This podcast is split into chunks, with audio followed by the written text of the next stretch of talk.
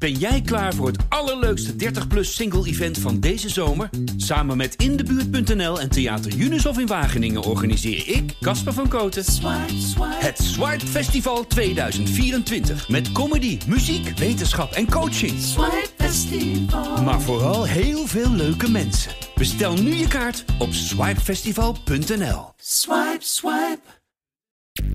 Want misschien even een definitiekwestie. Zeggen, ik heb acht appjes op mijn telefoon en daar kan ik allerlei verschillende dingen mee bedienen. Dat noem ik niet slim. ja, sorry?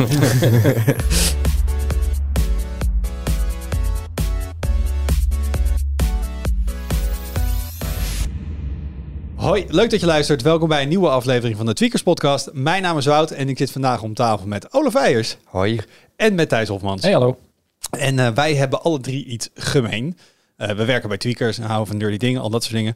Uh, en een van die nerdy dingen, dat is knutselen aan ons smart home. Dat doen we allemaal op onze eigen manier. Op ons, ik had het tegen Thijs, op ons eigen niveau. Sommige mensen gaan wat dieper, sommige mensen wat minder diep. Mensen hebben hun eigen dingetjes die ze in huis maken en waar ze trots op zijn. Um, het idee is niet voor de mensen die nu weg willen zeppen. dit wordt niet een podcast waar drie mensen heel in-depth over hun smart home dingen gaan praten op een heel hoog niveau. Het is juist een beetje het idee om, um, nou ja, misschien kunnen mensen wat van leren van welke dingen zijn we tegen aangelopen. Hoe zou je nu beginnen als je eigenlijk wel denkt, goh, ik wilde wel eens mee aan de slag, maar ik weet niet precies welke keuzes ik moet maken. Dus we zitten hier niet te gatekeepen, maar het idee is juist om ervoor te zorgen dat, denk je daarover na, nou misschien als je over een uur, vijf kwartier hiermee klaar bent, dat je wat wijzer bent geworden en weet waar je zou moeten beginnen. Dat is onze insteek. Laten we kijken aan het eind of we dat, uh, of we dat ook gaan behalen. Um, maar voor we dat gaan doen, ik heb weer eventjes een grabbel gedaan in de postzak. Uh, en daar kwamen uh, ten eerste heel veel reacties over het hybride werk, waar we het vorige keer over gehad hebben. Um, wat een verrassing. Ja, dus ik heb er niet echt heel veel uitgehaald, want dat ging alle kanten op. Um, wat, je, wat ik wel weer zag, en wat natuurlijk een discussie vorige keer over. het heeft persoonlijk voordeel om thuis te werken. Minder reistijd, twee monitoren, al dat soort dingen. En het heeft soms groepsvoordeel om bij elkaar te zijn. Uh, en ik zag ook heel vaak wel weer de persoonlijke voordelen langskomen. Ja, maar ik heb een beter toetsenbord thuis en een betere monitor en betere reistijd. Dat ga ik ook nooit tegenspreken. Dat heb ik thuis ook. Um, maar ook weer mensen die zeiden, die zit dan misschien meer in mijn straatje. Uh, ik vind het heel fijn om onder de mensen te zijn. Dus voor mij kwamen er gewoon uit dat zoveel mensen, zoveel wensen. Er is geen gouden weg voor iedereen. En iedereen is ook een beetje aan het uitzoeken volgens mij. Dat ook nog niet iedereen er 100%. Ik denk ook dat de conclusie is dat te nooit genoeg is. Dus te veel thuiswerk is niet goed genoeg. Te weinig thuiswerken denk ik ook niet. En ja, wie had dat kunnen denken dat de middenweg waarschijnlijk het beste is? Ik denk dat er nu genoeg mensen zijn. Nee, je kan nooit te veel thuiswerken. Dat is maar wel, er zijn okay. altijd de, Sorry voor die mensen. De, de, de, de excessen. Um, verder, ik um, kreeg voor mij een, een, een, een, dit was een DM en ik heb het er voor mezelf uh, samengevat. Dat was een redelijk lange DM van I steal your gun. Wat is een nickname? Um, en die had een, een DM'tje gestuurd. Het ging over uh, EE, AI-generated content. Hij ging op zoek naar een, een foto die hij had zien van James Webb-telescoop. Hij had een foto zien langskomen en dacht, goh, waar komt het eigenlijk? Toffe foto, ik wil even het verhaal erachter weten. Nou, toen ging hij kijken. Um, en toen vond hij al snel iets bij, volgens mij de NASA, een blogpost erover. Maar hij vond ook een, een andere website waar erover geschreven was. En toen ging hij dat lezen, dat artikel, dacht hij, hè? Het zit me niet helemaal lekker, dit artikel. Volgens mij, dit, dit, dit leest een beetje gek. Volgens mij is dit niet door een mens geschreven. Volgens mij is door AI gegeven. Ja. En dat hij ook gestuurd van, dit is de eerste keer dat ik dat tegen ben gekomen dat ik denk, zonder dat het goed aangemerkt is, dat het AI is. Toen ben ik die site een beetje gaan kijken. Ik, ik ga geen eens de link noemen, want ik ga ze de traffic niet gunnen. Um, maar toen zag ik een andere headline en er stond er gewoon echt volgens mij als headline article title. Ik denk, ah, goede headline. Daar klik ik op. En toen stond erin, due to the encoding issues in the article provided, it's not possible to rewrite it. Please provide different article. Dus ik heb het idee dat daar gewoon een soort van script achter zit, waar je URL's aan kan voeren met artikelen, die het dan herschrijft met een chat GPT-achtige bot en het dan meteen publiceert. Wat is natuurlijk echt gewoon ja. de, de, de laagste vorm van contentproductie is, zeg maar. Gewoon echt een geautomatiseerde contentfabriek. Um, de, maar dit was dus voor mij ook de eerste keer dat ik dus in aanraking van we zeggen, we zeggen, je hoort dan als doembeelden van al die generative AI. Over zoveel jaar is 90% van alle content op het web is automatisch gegenereerd en heeft eigenlijk geen waarde meer. En dit is voor mij dus ook voor I Steal Gun een beetje de eerste keer dat ik echt op geschreven tekst uitkwam Waarvan ik Ja. denk, ja, dit valt wel in die categorie. Ik vroeg me een beetje af, zijn jullie het al tegengekomen online? Dat je denkt, oh, maar dit is overduidelijk gegenereerd. Nou, uiteindelijk misschien wel, maar Niet je je komt het er door niet weet. Inderdaad, je Ja, komt er heb- misschien ik- pas achter als het Ik heb dus het idee dat je, dat je het wel best snel door hebt. Ik weet nog dat er een half jaar geleden, toen, toen ChatGPT net uit was, of net een paar maanden uit, toen dat nog de next big thing was. Eh, tijd gaat snel. Ehm, toen waren er altijd, toen- waren er iedere dag wel een paar mensen die dat dan op, eh, op eh, tweakers gingen proberen in de comments. Hè? Dat ze dan een paar comments gingen plaatsen en dan zat je dan te lezen en dan dacht je, Hè, wat, staat hier nou? Maar er waren altijd een beetje dezelfde, ja, dezelfde syntaxes of zo en dezelfde soort comments. En je, je had gewoon meteen door iets daaraan rook gewoon van dit is, dit is door ChatGPT geschreven, dat moet wel. Dat zag ik toen wel een paar keer voorbij komen. En Ik heb het idee dus dat als je het tegenkomt dat je het best snel kunt spotten of zo. Ja, het heeft een ik hele bepaalde opbouw is. van hoe het een ja, verhaal ik in weet niet elkaar wat het precies vaak. is. Want zelfs als je zegt van, ik, ik heb daar natuurlijk ook mee geëxperimenteerd, dat je zegt van, eh, vat eens deze AVG-boete samen tot een nieuwsbericht voor tweakers. Eventjes voor de goede orde, dat doen wij niet, maar dat is puur gewoon om te kijken wat ChatGPT kon. Dan komt daar een bericht uit en dan zeg je, doe het in de stijl van tweakers.net. En zelfs dan is het nog altijd van, dat, dat is een bepaald stijltje of zo. Ik kan dat niet definiëren. Ik kan er mijn vinger niet opleggen.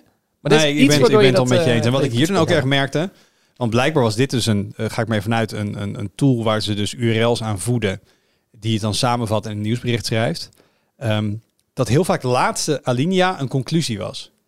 Dus ehm, ook met zo'n James Webb verhaal over een ding, en stond er het laatste alinea, so in conclusion, bla bla bla, bla dat de laatste alinea gebruikt om het samen te vatten of zo. Dat is een beetje de opbouw, het is terug met meer van die artikelen.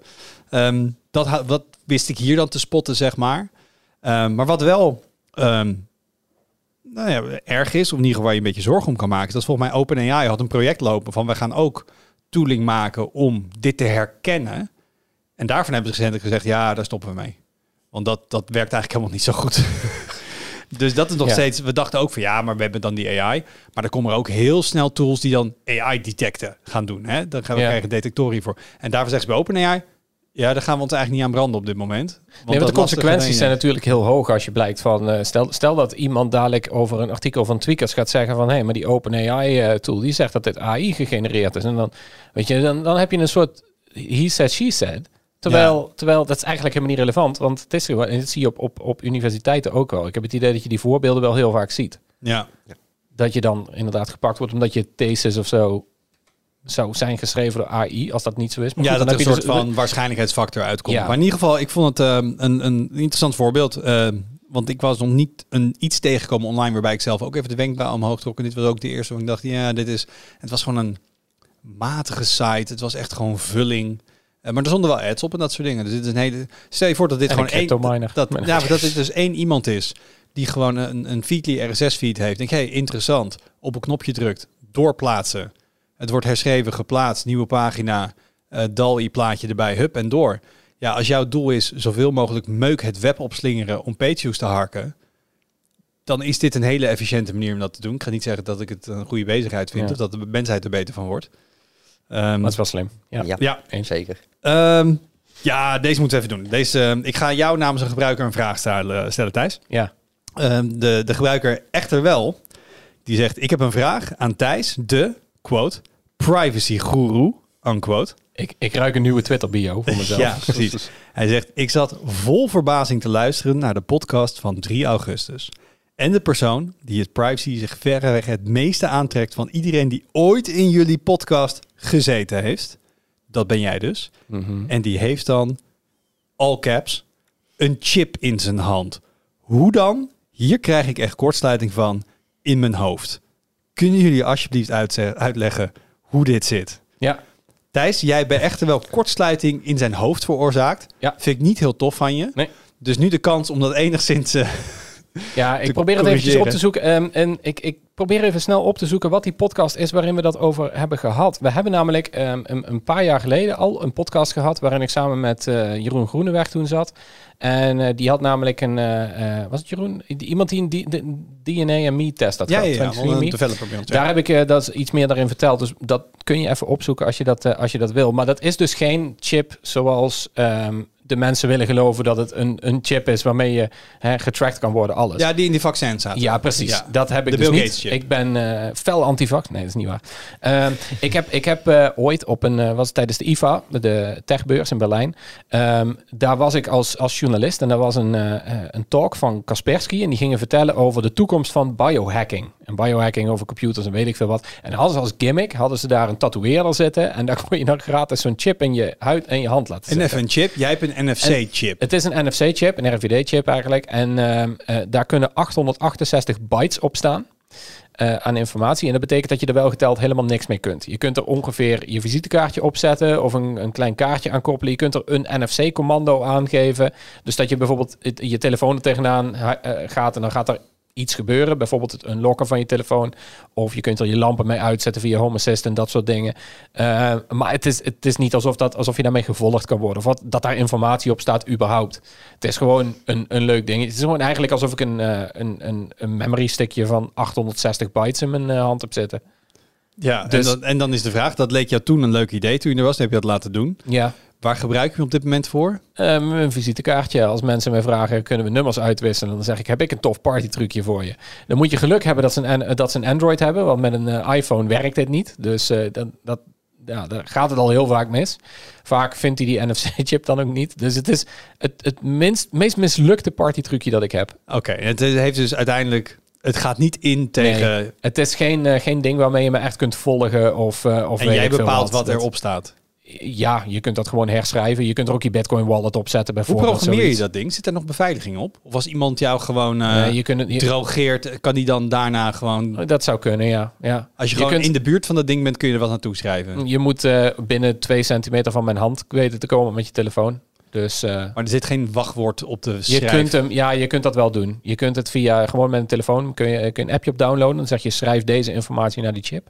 Dat doet hij dan. En dat kun je volgens mij met een wachtwoord eh, doen. Ehm, dat, dat doe ik niet, maar dat kan wel. Dan kun je er gewoon een pincode op zetten of zo, dat je het niet zomaar Ja. kunt aflezen. Maar het is een hoop gedoe. Maar als ik het zo hoor, dit, jij zegt nu niet tegen onze luisteraars, ga dit meteen doen, want dit is super handig. Nee, sterker nog, ik, ik had het als idee om dan eens te gaan kijken van, goh, wat kan ik daar nou mee? Kan ik, eh, kan, kan ik daarmee gaan betalen in de winkel? Kan ik dit en dat? Dat kan allemaal niet, want als jij je bankpas erop wil zetten, dan moet je medewerking van je bank hebben. Ja, je, moet dus bij de ING klantenservice aankomen met, hey, kun je mijn pasje porten naar mijn hand? Ja, ik heb dus een NFC-chip in mijn hand zitten. Ja, dat, we dan hebben zie ooit... zo'n helpdesk-medewerker door zijn scriptopties heen lopen. Ja, sorry, die staat ik, er ik niet moet u doorverwijzen. Nou, we hebben ooit, ik heb toen wel een keer eh, Bunk opgebeld. En ik dacht, Bunk, dat, dat zijn wel van die gekkies, die, die doen nou wel. Die gaan daar wel mee akkoord. Zeker ook die persvoorlichtingen opgebeld. Die waren super enthousiast. En eh, toen heb ik ook met een of andere technische gast gesproken... die dan wel mee helpen om dat dan te doen. Gewoon als experiment. Ik kon er dan een videootje bij maken van tweakers en zo. Ehm, maar toen zeiden ze, ja, dat ding is 800 bytes. Of 8, 880, zoiets. En toen zeiden ze, dat is niet genoeg. Want op die pasje staat ook nog een encryptie. En die encryptie, dat is al een paar kilobyte. Dus eh, daar kun je niks mee. Dus jij moet een nieuwe chip laten implementeren. Je, hardware is gewoon ja. verhouderd. Ja, eigenlijk wel, ja. Maar als je dat er dus uit wil halen, dan is het eh, sneetje in je hand, alles. Daar heb Scalpels ik weinig en, zin in, dus eh, Oké. ik laat hem maar zitten. Ik hoop dat echter wel nu, eh, nu die de context kent, toch wel snapt hoe dit alsnog bij Thijs past. Want ik vind juist heel erg bij je passen. Eh, eh, ja, ja een beetje, wel, ja. beetje biohacken. Zeker. Ehm, even kijken, Jeroen Wassing 7344. Eh, we hadden het over advertenties gehad en eh, betalen voor advertenties en niet. Maar hij zei, ik heb nog een tip. Nou, als iemand een tip geeft, dus we hem altijd graag doorspelen. Hij zegt, ik kreeg een tijdje terug alleen maar advertenties voor gokwebsites. Eh, want ik viel waarschijnlijk als man binnen een bepaalde categorie op YouTube. En toen zei hij, ben ik even voor gaan zitten. En in de krochten van de YouTube settings, zegt niet precies waar, maar het zit er dus ergens, kun je bepaalde soorten ads uitzetten. Gokken, alcohol, dat soort dingen. Hij zegt dat maakt de ad-situatie op YouTube heel vertragelijk. Dus ben je nou ook iemand die allemaal van dat soort advertenties op YouTube krijgt? Je kan je dus blijkbaar aan of afmelden voor bepaalde categorieën. Dat wist ik niet. Ik heb premium, dus ik heb er niks mee te maken. Maar dat maakt misschien dat er advertentie kijken op YouTube wat, eh, wat dragelijker. Klinkt een beetje als het eh, postfilter, maar dan... eh, De nee-nee-sticker, maar dan binnen, binnen YouTube inderdaad. Mooi. Ah ja, Nee. je hebt ook nog postfilter. Als je die niet kent, eh, ook een handige tip. Daar kun je voor eh, geschreven reclame, dus die echt eh, op je adres wordt bezorgd in de, in de brievenbus, kun je uitschrijven. Voor loterijen, voor, nou ja, noem het Oh, maar op. want die loterij is het zo moeilijk om vanaf te komen. Mag ik, mag ik daar een goede tip voor geven? Heb je wel eens gegeven? ik heb deze maar. misschien wel eens gegeven, doe ik hem nog een keer. Ik heb ooit op een brief van de Bank Giro Loterij, heb ik erop geschreven, retour afzender, bewoner is gokverslaafd. En sindsdien heb ik, dat is echt waar, dat heb ik twee jaar geleden gedaan of zo. Ik heb nog nooit meer een brief van de staatsloterij, van de lotto, van de postcode loterij, bank, Giro, niks meer gehad. Dus ik denk dat ik in een of andere dubieuze database sta. Maar er is nog nooit een hulpverlener aan mijn deur gekomen. Dus het, het is, Tot nu eh, toe is het alleen maar winst. het is opgelost. Keurige oplossing. Ja. Eh, verder dan, we hadden het over thuiswerktoeltjes. Eh, en eh, ja, ik, ah, sorry, als je, als je naam Wout is, dan moet ik je gewoon in de post opnemen. Maar Wout underscore Bunt, die eh, noemde nog even Winget. En dacht ik, oh ja, Winget. Eh, want wat is Winget? Eh, ik denk dat de meeste Linux-gebruikers, ik kijk even naar twee mensen die tegenover me, die kennen natuurlijk wel apt-get. Absoluut. Als je dingen wil installeren met de package manager. Nou, op Windows is het natuurlijk eigenlijk best wel gek dat je naar een website moet en een executable moet downloaden van een of andere persoon. En dan ga je dat installeren en dat geeft je allemaal rechten. Nou, toen kwam Microsoft met de Windows Store, waar ook niet echt heel veel mensen voor warm liepen. En nu hebben ze dus iets gemaakt. Ehm, eh, een command line tool. Het staat standaard ingebouwd vanaf Windows 10 22H2, denkt hij. Ehm, en eigenlijk is dat gewoon de achterliggende infrastructuur van de Microsoft Store. Maar dan dus vanaf de command line alsof het AppGet is. Dus je kan gewoon via eh, de command line en of gewoon gewoon CMD en Winget kun je gewoon allemaal dingen installeren. Je kan scriptjes bouwen. Dat als je een nieuwe Windows installatie hebt, dat je kan automatiseren. Je kan ermee updaten je packages. Eh, dus het is eigenlijk gewoon heel hard Microsoft die Linux naaapt. Ehm, maar hey, beter goed gejat dan slecht bedacht, zeg ik altijd. Ja, en toch is het een beetje gek, want inderdaad, eh, van Linux kan ik heel erg waarderen dat je met eh, even een appget en het pakketnaam, dat, je, dat het binnen een paar seconden heb je een pakketje geïnstalleerd. Bij Windows, ja, voelt op, op zich nog steeds de, de natuurlijke route om gewoon iets te downloaden op een website. Ja, maar dat is uit- natuurlijk heel erg gek. Ja. ik denk, Ja. je, oké, dan denk je, ik heb net een verse Windows installatie en wat installeer ik bijvoorbeeld altijd? Ik wil eh 7-zip wil ik hebben. En dan ga ik dus naar eh, Google en dan tik ik in 7-zip en dan komt de website van 7-zip. Dan ga ik er naartoe. Hoop je dan dat het geen, Dan- geen malvertising wordt? Dan ga ik naar Ook downloads. En dan zoek ik van, oh ja, vroeger moest je kijken, moet het 32 of 64 bit of moet ik stable of beta? Dan ga je allemaal klik, klik, klik. En dan ga ik een file downloaden. Dat ziet er wel legit uit. Dat, ik vind het ook de normaalste zaak van de wereld. Maar ergens is het natuurlijk logischer dat ik gewoon in, in type winget, eh, waarschijnlijk eh, dash install 7-zip. En dat hij dan uit een repository waar gewoon iemand erover nagedacht heeft wat er staat. Dat is, dat is natuurlijk een veel beter systeem. Absoluut. Ehm, Objectief wel, maar ik vraag me af of ik dus inderdaad Winget ga gebruiken in de praktijk. Nou, ik, het leuke is, eh, deze tip krijg ik nu binnen. En toen dacht ik, oh ja, ik weet dat dit bestaat. Ik heb dit op mijn computer toen gezet. Maar je En doet het nooit zit, iets het, mee. nee, maar ik bedoel sinds Windows 95 dat we op internet kunnen of 98 en in kunnen doen, doe ik dit al gewoon door naar een site te surfen en een installer te downloaden. Dus dat zit zo vastgeroest in mijn routine. Ehm, terwijl ik dit te veel, ik vind het ook veel de, de, de, de coolere manier om het vanaf de command line. Dus alles wat je vanaf de command line doet is cooler dan via een Als je dat in de trein doet of zo, dan kijk ik ook altijd een beetje zo smak om me heen. Van, zien jullie dit? Ja, Ja? doe je nog even je Jullie- hoodie, je, je- oh, je hoodie doe je nog even op, dat je extra hacker eruit ziet. Precies. Ja. En dan kijk ik naar anderen, dan zeg ik, wat gebruik jij? Gewoon de wizard. Oh, de GUI met de muis. Hm, oh, Eh, ja, ben je er zo in. Ja.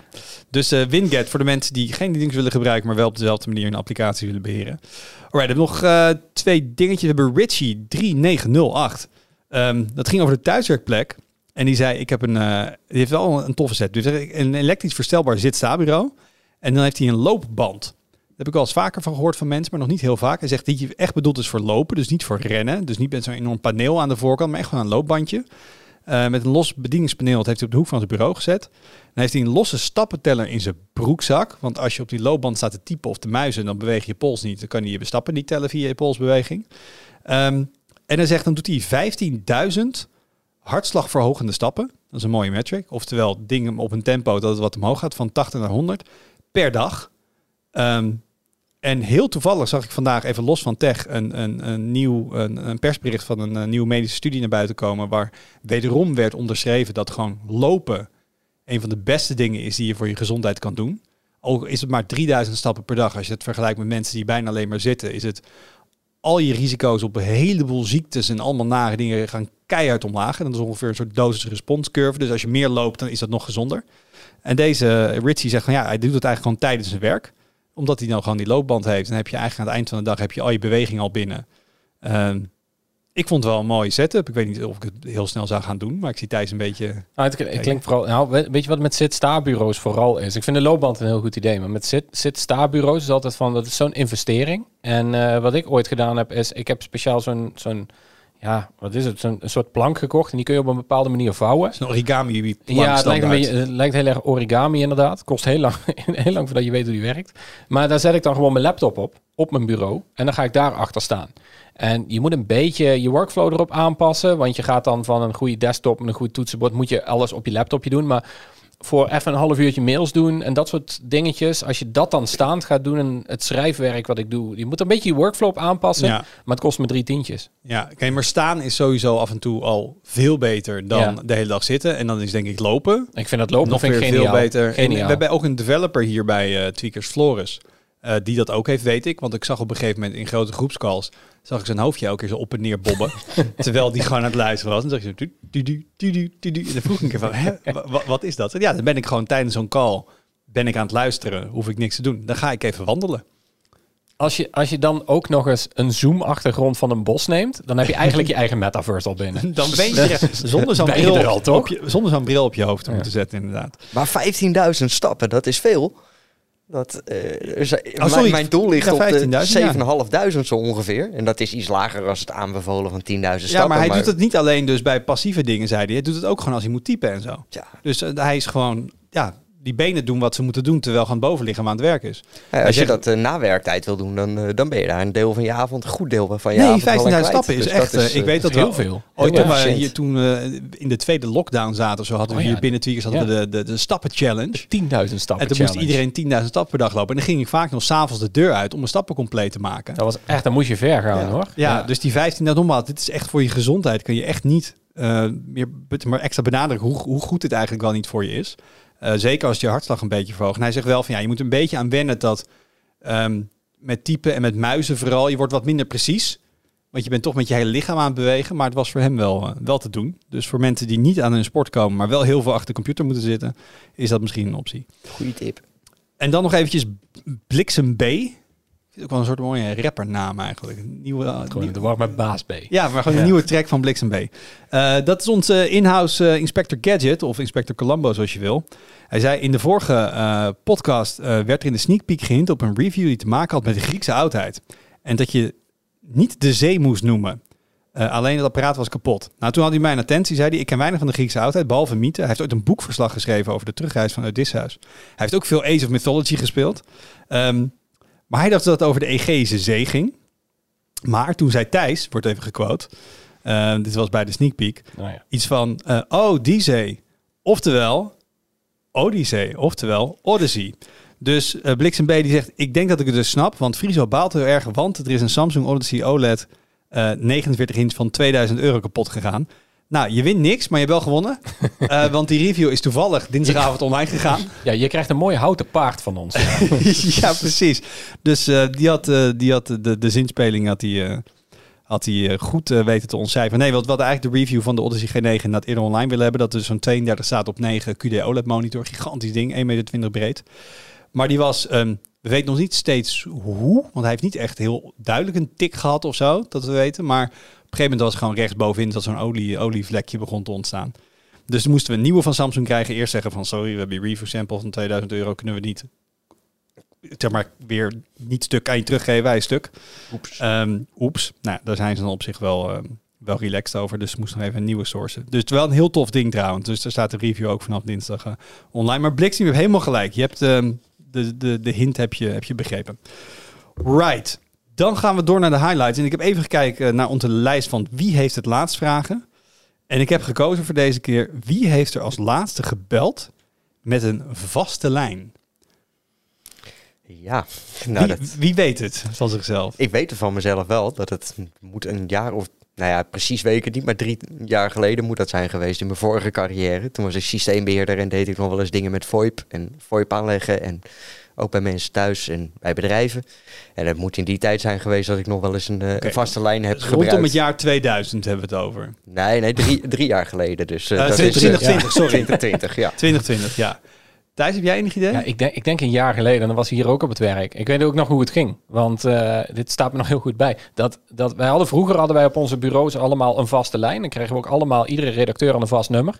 En toen op een gegeven moment, ergens tijdens de lockdown of zo, toen ook niemand meer op kantoor zat, toen heeft ICT gebeld met de vraag of gevraagd van, ehm, bellen jullie nog wel eens? En eh, eh, als dat niet zo is, dan heffen we die nummers op. Is dat nodig? Nou, toen hebben ze al die telefoons weggehaald. Alleen we hebben op de redactie nog één vaste lijn staan. En ik weet nog dat ik hier, ik denk een jaar geleden of zo zat. En dat ineens die telefoon afging. En dat wij ook allemaal elkaar een beetje aankijken van, oh, huh? Wat? dat we echt niet wisten wat we ermee moesten. Het is een beetje als nu in, in, in het Witte Huis de rode lijn uit Rusland rinkelt of zo. Dat mensen Ja, denken, oh, dit staat hier al 20 jaar, maar wat ja, gebeurt er? oh, verrek, ja, wat moeten we? Ik weet nog dat ik opnam en ook niet gewoon met, goedemiddag redactie Tweakers met Thijs Hofmans, maar gewoon iets van, Huh? ja, hallo, verkeerd omhouden, weet je wel. Dat, dat weet ik, ik denk dat dat een jaar geleden was of zo. De exacte datum weet ik niet, maar Ja, ik zit denk ik op een jaar of twee geleden, want ik had destijds, dat zat gewoon bij mijn alles in één van Ziggo. Eh, en dan kreeg je ook een vaste lijn. Ik nou had ik maar gewoon zo'n dekt setje van Philips maar thuis staan. Maar die gebruikten we. De enige persoon die daarop belde was mijn moeder. En op een gegeven moment zei ik, mam, je weet ook dat ik gewoon 06 heb. Ehm, en er was weer een apparaat wat gewoon een paar watt standby trok en wat in het zicht stond. Dus heb ik gewoon de vaste lijn er maar gewoon uitgehaald. Dus ik, oké, we gaan volgorde Thijs, Wout, eh, Olaf eh, hoor ik al. Dus Thijs, wat is jouw highlight? ja, ehm, er is ophef op Twitter. En dat vind Oh. ik altijd, dat begint altijd Nee, leuk, hè? er is Oh, ophef op X. X. Ehm, en het gaat dit keer eens een keer niet over X, voor degenen die nu denken, oh shit, nee, daar gaan we weer. Nee, het gaat over Zoom, de, de videobel-applicatie. Die, die, hebben nu, die zijn heel diep door het stof moeten gaan. Want die hebben, gezegd, die hebben eh, ergens in april of in maart al, hebben die dus gezegd van, wij gaan onze algemene voorwaarden aanpassen. Want dan kunnen wij namelijk AI-modellen gaan trainen op jouw data. Nou, dat is vorige week of zo is dat eh, in werking getreden. En toen viel het eigenlijk mensen pas op. En toen werd iedereen natuurlijk hartstikke kwaad. Want ja, dat, dat wil je niet. Dat is gewoon... Ga je mijn gezicht, Nou, dat mijn, is mijn wel een beetje hoe het gaat. ga je gewoon er werd gebruiken? eigenlijk gezegd van ja, je geeft praktisch alles wat je op Zoom doet, geef jij over aan, aan Zoom om daarmee te doen wat ze willen. Ehm, en dat, dat gaat allemaal heel ver. Dat, dat Zoom dat volgens mij in theorie zou kunnen gebruiken om reclames te gaan maken met jouw gezicht erin. Daar, daar viel dan met niemand over, jarenlang. Maar nu zeggen ze dus ook van ja, we gaan dat gebruiken om AI-modellen te trainen. Ja, dat was niet fijn. En ik vind dat dus heel raar, omdat eh, dit, dit nieuws viel mij op, omdat ik dacht van aan de ene kant. ehm, ik, ik zou hier boos over zijn als ik Zoom-gebruiker was. Maar aan de andere kant weet ik dat er zoveel van mijn data al is gebruikt om, eh, om AI-modellen te trainen. Ik heb, ik heb al- alles wat ik voor tweakers heb geschreven. Nou goed, daar heb ik het auteursrecht niet op. Maar er zijn heel veel dingen die ik op internet heb gezet ooit. eh, waar, waar AI op is getraind. Vermoedelijk. Of waar in ieder geval wat weet je waar niet. je al afstand van gedaan hebt. Want alles wat je ooit op een sociaal netwerk hebt gezet, volgens mij die voorwaarden daar, als jij een foto op Instagram hebt gepost, Ja, dat, dat dan weet je staat van, dat is wij ook mogen dit, wij mogen dit hergebruiken. En daarvan zeg ik allemaal van, ja goed, dat is nu helemaal zo. Zo is het nu. Maar als nu Zoom tegen mij van de een op de andere dag zegt, hey, dit gaan we ook doen. Dan zeg ik ineens, dan word ik ineens Daar- heel daar boos. trek je dat de trek lijn. ik dan de grens. Maar dat is eigenlijk hartstikke hypocriet van mezelf. Ja. Dus ik, ik- Mooie ja. constatering, een beetje zelfreflectie. Nou ja, vind ik wel. Ik hou niet van hypocrisie, tenzij het over mezelf gaat, zeg ik altijd. Maar ze hebben Maar- dus die voorwaarden aangepast, maar dan neem Ja. ik aan, dan moet je daar opnieuw mee akkoord gaan. Eh, ja, dus ze hebben ook iedereen daarover gemaild en zo. En, en nou ja, dan worden ze boos. En nu hebben ze eigenlijk gezegd van we gaan dat terugdraaien. Of niet, niet zozeer terugdraaien, maar ze gaan het opt-in maken. Dus ze hebben de voorwaarden opnieuw aangepast. Dat ze zeggen, zonder gebruikerstoestemming gaan we het niet doen. Maar dat kun je toch dan meteen vanaf dag één gewoon goed doen, door het meteen op de in te maken. Dit is toch niet een hele onverwachte ja, uitkomst? Nee, nee, dat klopt. Ik, ik denk dat ze dus gewoon een beetje hadden gehoopt dat dit stiekem over zou waaien. Want ja, wie leest die voorwaarden nou? Ehm, Er zijn En- mensen die dat doen. Ja, precies. Nou ja, dan komt het dus wel naar buiten. En dan is de shitstorm alleen maar groter. Maar het is nu wel inderdaad... Ja, je had dit kunnen weten. Van de andere kant, nu doen ze het opt-in. En eerlijk, ze doen het ook heel netjes. Want ze hebben dan een screenshotje gemaakt... met hoe dat er dan uitziet in de praktijk. En eh, eh, dat, dat een beheerder moet dat instellen. Als je dat dan doet als beheerder voor een zakelijke omgeving... dan krijgt ook iedereen in het bedrijf krijgt dan een, een, een waarschuwing te zien... als je een Zoom-gesprek begint met... hey, let op, we gebruiken deze data voor. Dus Maar dat is echt wel netjes. Maar niemand doet het toch? Maar even tussendoor. Zoom, AI. Waar Ja. wat gaan ze hier dan mee doen? Zoom die heeft ehm, eerder dit jaar hebben ze Zoom IQ opgezet. Dat is een slimme assistent. Eh, en Tuurlijk. zij zijn gewoon heel veel meer bezig met, met, met AI en met... Ja, maar wat eh, willen ze met data van? Wat willen ze met? Kunnen ze daardoor de, het wegsnijden van de achtergrond beter doen doordat ze veel videodata hebben? Ik Of denk dat, dat het, ik denk dat je alles erop kunt loslaten. Maar met, het wordt ook een beetje expliciet gebracht. Als in, we willen er gewoon alles mee doen in de toekomst. gewoon lekker experimenteren? Ja, en, en eh, een beetje maak het maar gewoon zo groot mogelijk. Want dan kunnen we er heel veel mee in de toekomst. En het is inderdaad zo'n slimme assistent die ze maken. Nou, oké, sure. Nou ja, als ze van die hele toffe Snapchat-achtige. Als ik bijvoorbeeld een hele mooie virtuele snor kan opplakken... dan moeten ze wel testen op die data of die een beetje goed onder mijn neus blijft hangen. Dus ja, dat, wat dat, wil je nou? Je privacy of een goede virtuele snor? Ja. dat is geen keus, Thijs. Nee, dat is echt eigenlijk heel niet. makkelijk. Ja, nee, ja, spreek voor jezelf. Sign me up. Ja. Nee, maar ik, ik weet dus inderdaad niet precies wat ze, wat ze ermee willen. Ik, ik, ze hebben het gewoon opgezet. Als in, we, we willen er zoveel maar mogelijk eh, mee. ik, eh, ik zie En- een trend. Ik zie een trend, want we hadden de vorige keer over Meta die toestemming gaat vragen om iets met je data te doen. We krijgen nu Zoom die om een opt-in vraagt om hier iets mee te gaan doen. We hebben natuurlijk al, oké, dit zijn nog meer opt-in balls, maar vanuit de AVG hebben we de cookie muur waarbij je mag zeggen nee, ik wil niet dat je me trackt en dat soort dingen. Het is wel grote techbedrijven die netjes vragen voordat ze iets met je data doen. ja, er begint dat- wel een kentering in te komen. Dat het inderdaad... Dat is op eh, ja. zich wel En goed, dat, toch? en, en dat ze er ook heel erg hard op worden afgerekend als dus blijkt dat ze het zo stiekempjes proberen te doen. Of als het een beetje, een beetje zo van, ja, we geven er niet te veel rugbaarheid aan en dan hopen dat het overwaait. Daar, daar kom je tegenwoordig niet meer mee weg als bedrijf. nee. Terwijl, Ja, en- terwijl en ik, ik snap, ja, ik snap ergens ook nog wel dat je zegt van, van, van WhatsApp of zo wil ik niet dat mijn berichten eh, worden geanalyseerd. Dat is heel persoonlijk. Dat overigens ook niet gebeurt natuurlijk door de encryptie. Ehm, maar ik kan me voorstellen dat je daar ook ja, dat je daar, dat je daar onderscheid in maakt of zo. Dat alles wat Nou, ik op daarom- Twitter zet, vind ik niet zo erg als mensen dat gebruiken. En daarom vind ik het ook niet Ja. heel handig als we zeggen... wij willen al je data gebruiken voor iets misschien in de toekomst. Want dan ga ik nee zeggen. Ja, precies. En als ze zeggen... nee, we willen specifiek voor deze toepassing...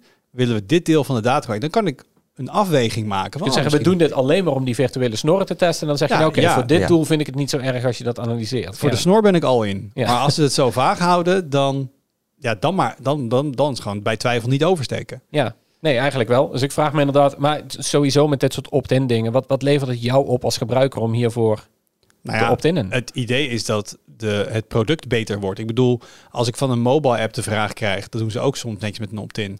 Mogen wij jouw gebruik van de app tracken? Dus welke opties je wel aanklikt, welke niet. Dat er, daar zeg ik altijd ja tegen. Want dat soort eh, analytische data van gewoon gebruikersinteractie, dat helpt je ook als softwareontwikkelaar. Oh, wacht eventjes, we hebben een functie ingebouwd en niemand vindt die knop. Misschien moeten we die verplaatsen. Weet je, dat soort dingen. Daar doe ik, als ze er heel specifiek naar vragen, ja, zeg maar usage Ja. data, dan doe ik bijna altijd op in. Want denk uiteindelijk moet die app dan ook beter gaan worden voor de eindgebruiker. En dat vind ik dan prima. Vind je dat ook van software waar je al voor betaalt? Een beetje dezelfde discussie als die we vorige week hadden natuurlijk. Maar Nou ja, dat- als het dus als het echt letterlijk gebruikers, gebruiksdata is waarmee een productteam het product verbetert, prima. Als het data is waarmee ze ads willen targeten, dat is iets heel anders, want ik betaal al. Maar op deze manier kan ik helpen met het product ontwikkelen en verbeteren. Bij tweakers ook natuurlijk. Kijk, wij doen natuurlijk helemaal geen ad tracking, dat soort dingen. Dat hebben we eruit gegooid. Maar wij meten wel dingen op de site. Wij willen weten of, of hoe vaak een artikel gelezen wordt. Maar we willen ook weten eh, hoe lang iemand op zijn artikel blijft hangen. Klikt iemand er meteen weg? We willen kijken als iemand op een pagina komt, met welke elementen wordt wel geïnteracteerd, op welke knoppen wordt wel geklikt en welke linkjes niet. Want als mensen nooit op een linkje klikken, kun je het net zo goed weghalen. Dus dat soort op grote schaal, dat, want dat kun je ook testen met gebruikers in een test. Dan zet je zes mensen achter een webcam neer, maar dan heb je NS6. En dan kun je wel wat inzichten opdoen, maar die wil je altijd valideren op een grotere groep.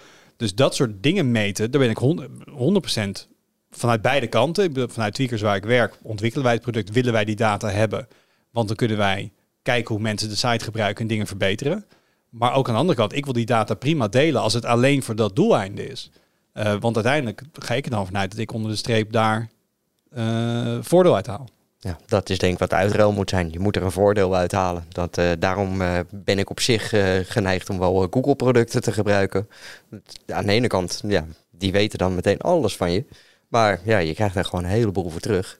En dat is, ja, dat is denk ik een prima ruil. En bijvoorbeeld... en als je, die, als je die, die keus voor jezelf heel duidelijk maakt, dan is dat ook helemaal prima natuurlijk. Ja, bij, eh, bij Smart Home bijvoorbeeld. eh Home Assistant heeft ook die vraag. Mogen we, je, mogen we wat eh, gegevens van je installatie ja, gebruiken? enough, dan doe ik het inderdaad ook wel. Ja. Willen weten welke plugins je gebruikt. Ja. Hè, wat, wat je, nou oké, wat hebben wij meer inzicht hoe het product gebruikt wordt. Prima. Als ze Maar er dat- duidelijk over zijn wat ze inderdaad eh, verzamelen. En, En- het is en een product als- waar ik en- sympathie voor heb. Ja, en als ik, het, als ik het product en de ontwikkelaars wel vertrouw of zo. En ik, Ja. weet je, van Home Assistant, hun hele filosofie is juist van we trekken het terug van de cloud, we geven jou controle. Ik vertrouw dat bedrijf er wel op dat ze daar integer mee omgaan, meer dan, Ja. dan Facebook. Ja, Vind ik minder eng dan Zoom inderdaad. Eh, Precies, ja. of Zoom. een bedrijf waar vijf jaar geleden nog nooit iemand van gehoord had. en die een pandemie nodig had om populair te worden. Ehm, ik heb niet zozeer een highlight, ik heb een eh, oproepje. Ik wil eventjes onze gebruikers gaan inschakelen voor iets. Oh, ik dadelijk ook over mijn... Ja, ik dadelijk ook. Ja, Oké, we hebben twee Mooi, oproepjes. we gaan ze aan het werk zetten. Ehm, ik eh, doe nog af en toe een reviewtje. En vooral zo in de zomermaanden als het wat rustiger is. En het was wat druk aan de mobile kant. Dus ehm, ik heb wat tablets thuis liggen. En wij doen al een tijdje geen hardcore synthetische benchmarks meer op mobile devices. Dus Geekbench gaan draaien op een Android telefoon. En dan heb je vier Android telefoons met allemaal Snapdragon 8 Gen 2. En dan ga je allemaal Geekbench draaien. En het is allemaal een beetje in dezelfde marge van welke score eruit komt waarschijnlijk in sommige firmwares wordt nog voor geoptimaliseerd. hey, deze applicatie kennen we, we gaan de throttling nog wat lager zetten. Het zegt eigenlijk verdraaid weinig over hoe zo snel, snel zo'n ding in de dagelijkse praktijk is. Dus ik zat met die tablets een beetje te zoeken naar wat zijn nou real-life scenario's, dingen die je doet op zo'n apparaat die lang duren. En waar je dus iets van zou kunnen meten in snelheid, hoe lang duurt iets. Nou, bijvoorbeeld bij laptops doen we dat ook. Dan gaan we gewoon, dan starten we Adobe Premiere op en dan gaan we een 4K video renderen. En dan gaan we gewoon kijken, nou dat is iets wat mensen doen. Niet heel veel, maar dat is wat je op een higher-end laptop misschien doet. En dan gaan we gewoon kijken hoe die verschillen zitten. Dus ik ben een beetje op zoek naar ehm, dingen die je eh, zowel op een telefoon zou doen of op een tablet. Bij tablet ga ik al een beetje vanuit dat het misschien, vooral bij die duurder met een stylus, daar misschien wat mensen wat meer fotobewerking doen en dat soort dingen. Dus ik heb bijvoorbeeld nu altijd ben ik bezig met gewoon de mobiele versie van Lightroom installeren, 10 RAW foto's erin, een paar edits doen, exporteren met de stopwatch daarnaast. Nou, ik kan me voorstellen dat dat iets wat je doet. En dan in plaats van zo'n synthetische benchmark met punten kun je zeggen, oké, ze hebben een nieuwe versie met een nieuwe chip. eh, of dit is degene van de concurrent met een andere chip. En als je foto's bewerkt, zie je gewoon dat het 20% minder tijd kost. Ik ben dus wel benieuwd naar wat voor soort applicaties mensen draaien. Mag ook op een smartphone zijn. Waar tijd echt een factor is. Dus Instagram opstarten, ja, 1, 2 seconden. Kan je gaan proberen te meten. Er zit veel te veel variabiliteit in en dat soort dingen. Maar wat zijn nou dingen die je mobiel doet? Applicaties, ja, gewoon eigenlijk apps draaien. Waarbij je, waar je een stopwatch naast zou kunnen zetten. Als mensen daar input voor hebben, van hé, hey, maar ik doe dat wel eens. en Het, dat, het zit echt mijn hersenen te kraken. Ik kan echt niks bedenken. Ik, want het, het- misschien is het enige wat ik doe is een beetje Reddit en Twitter openen. X openen. Nee, dat is Dus- inderdaad, dit, maar echt mobile, goed, Ja, goed mobile benchen, waarbij je dus data boven tafel krijgt die ook echt wat zegt, is ook gewoon heel erg lastig. Dat is een van de Ja. meer moeilijke productcategorieën waar we dit doen, maar ik ben er toch daarom mee bezig. Eh, dus als mensen eh, iets kunnen bedenken, ik bedoel, ik denk dat we dat meteen gaan doen, want misschien is het heel erg, heel erg niche. Ehm, maar ik zat ook een beetje in mijn hoofd, ik zat te denken, stel nou, ehm, je schiet een 4K-video op je telefoon, maar je wil hem eh, de begin en het einde eraf knippen, voordat je hem doorstuurt bijvoorbeeld. Dat is nog misschien iets wat je zou doen, omdat je gewoon een beetje aan het begin een beetje rommel hebt en aan het eind. Nou, dan moet er wat video geëdit worden. Dus daar zouden we even naar kunnen kijken. Oké, je schiet een 4K-video van 20 seconden, je kort hem in naar 10 seconden. Misschien rotate je hem nog een beetje of zo. Misschien is wel de oriëntatie fout gegaan met de oriëntatiesensor. De, en dan exporteer je bijvoorbeeld. Dat zou ik ook nog mensen wel zien doen op een telefoon. Nou, dan wordt je CPU gebruikt, je GPU komt throttling aan te pas. Misschien een beetje I.O. voor hoe snel die van je flash leest. Dus dat soort scenario's. Misschien zijn ze heel lastig te bedenken. Ik, ik zit ook mijn hoofd te breken. Ja, ik grijp ook eigenlijk voor alles wat ietsje zwaarder wordt meteen naar mijn laptop. En Ja, ik doe ik dus heb wel. geen tablet. Dus Ik doe dus wel dingen juist op telefoon en op eh, tablet steeds meer, ook rondom foto. Ehm, en je komt natuurlijk al heel snel bij games uit. Het probleem van games op mobiel is weer dat al die dingen heel erg adaptief zijn in hoe ze draaien. Dus ze kijken gewoon, oké, hoe snel is deze telefoon? Dan worden dingen als resolutie en settings worden allemaal... Eigenlijk is gewoon de framerate leidend en dan de rest komt er wel achteraan. Ehm, dus het is ook een lastige. Maar ik dacht, hè, knows, we, er luisteren een paar mensen hiernaar. Misschien dat er een paar mensen een goede suggestie hebben van hoe we, wat voor soort dingen we zouden kunnen meten op een smartphone of tablet. Ehm, die we kunnen reproduceren en ook onderling dingen kunnen vergelijken. Dat je iets meer weet dan 18.000 punten. Wat natuurlijk heel interessant is als we zeggen, oké, er komt een Snapdragon 8 Gen 3. En we gaan gewoon heel synthetisch naar die chip kijken, vergelijken met de 8 Gen 2. Hoeveel sneller is dat? is gewoon een leuk artikel om te lezen en te maken. Maar dat zegt jou niet zo heel erg veel voor wat je ervan gaat merken als jij die telefoon gaat gebruiken. En daar ben ik een beetje naar op zoek. Ja. Ehm, dus de, mijn highlight is dat ik, omdat het wat rustiger is in de zomermaanden, ook weer even lekker met dit soort dingen kan pielen en daarmee aan de slag kan. Maar er komt deze vraag in, eh, in naar boven bij mij. Dus ik, eh, Goeie vraag. ik ben benieuwd. Ja. Ehm, Mag, Olaf, ik, wat, mag, ik, mag Ja? ik ook een klein Oh, ja, oproepje jij- oh, doen, ja, alsjeblieft? als we toch bezig zijn met de oproepjes, want ik heb ook hulp nodig van wat lezers. Ehm, je hebt dat misschien al vorige week op de site kunnen lezen, maar ik ben bezig met een artikel waarbij ik eh, alternatieven voor Google Analytics aan het testen ben. Want dat was jarenlang was dat de default als jij een blogje had of zo, of gewoon een, een website en je wilde een beetje weten wat je verkeer was, dan knalde je daar Analytics op. Dat was, dat was een beetje de standaard. Terwijl WordPress plus Google Analytics, dat Precies. was de combo. Terwijl er zijn honderden alternatieven inmiddels. Ehm, en die onderscheiden zich allemaal door te zeggen: wij zijn wel privacyvriendelijk. In tegenstelling tot Google. Eh, Google, dat wordt met een beetje per ook binnenkort verboden overal. Dus het is, het is niet gek om te zoeken naar Nou, alternatieven. voor mij is dat wel de, de oude implementatie. Maar ja, Google komt een nieuwe implementatie die beter wordt, dat klopt. Die Ja. werkt ook aan trackingless en dat soort dingen. Ja, dat klopt. Maar de, de autoriteit persoonsgegevens is nog een onderzoek aan het doen. En dat onderzoek is nog steeds niet afgerond. En het is allemaal een beetje, het zit in, het zit in dubieus vaarwater. In ieder geval, sowieso is het altijd goed om een privacyvriendelijk alternatief te kiezen. Wat echt heel privacyvriendelijk is. En daar ook echt... eh, Rondom ja, gebouwd is. Ja. Precies. Ehm, dus wat ik heb gedaan, ik heb een website eh, opgezet. Een hele kleine, gewoon een paar HTML-pagina's en wat CSS eraan en dat is het.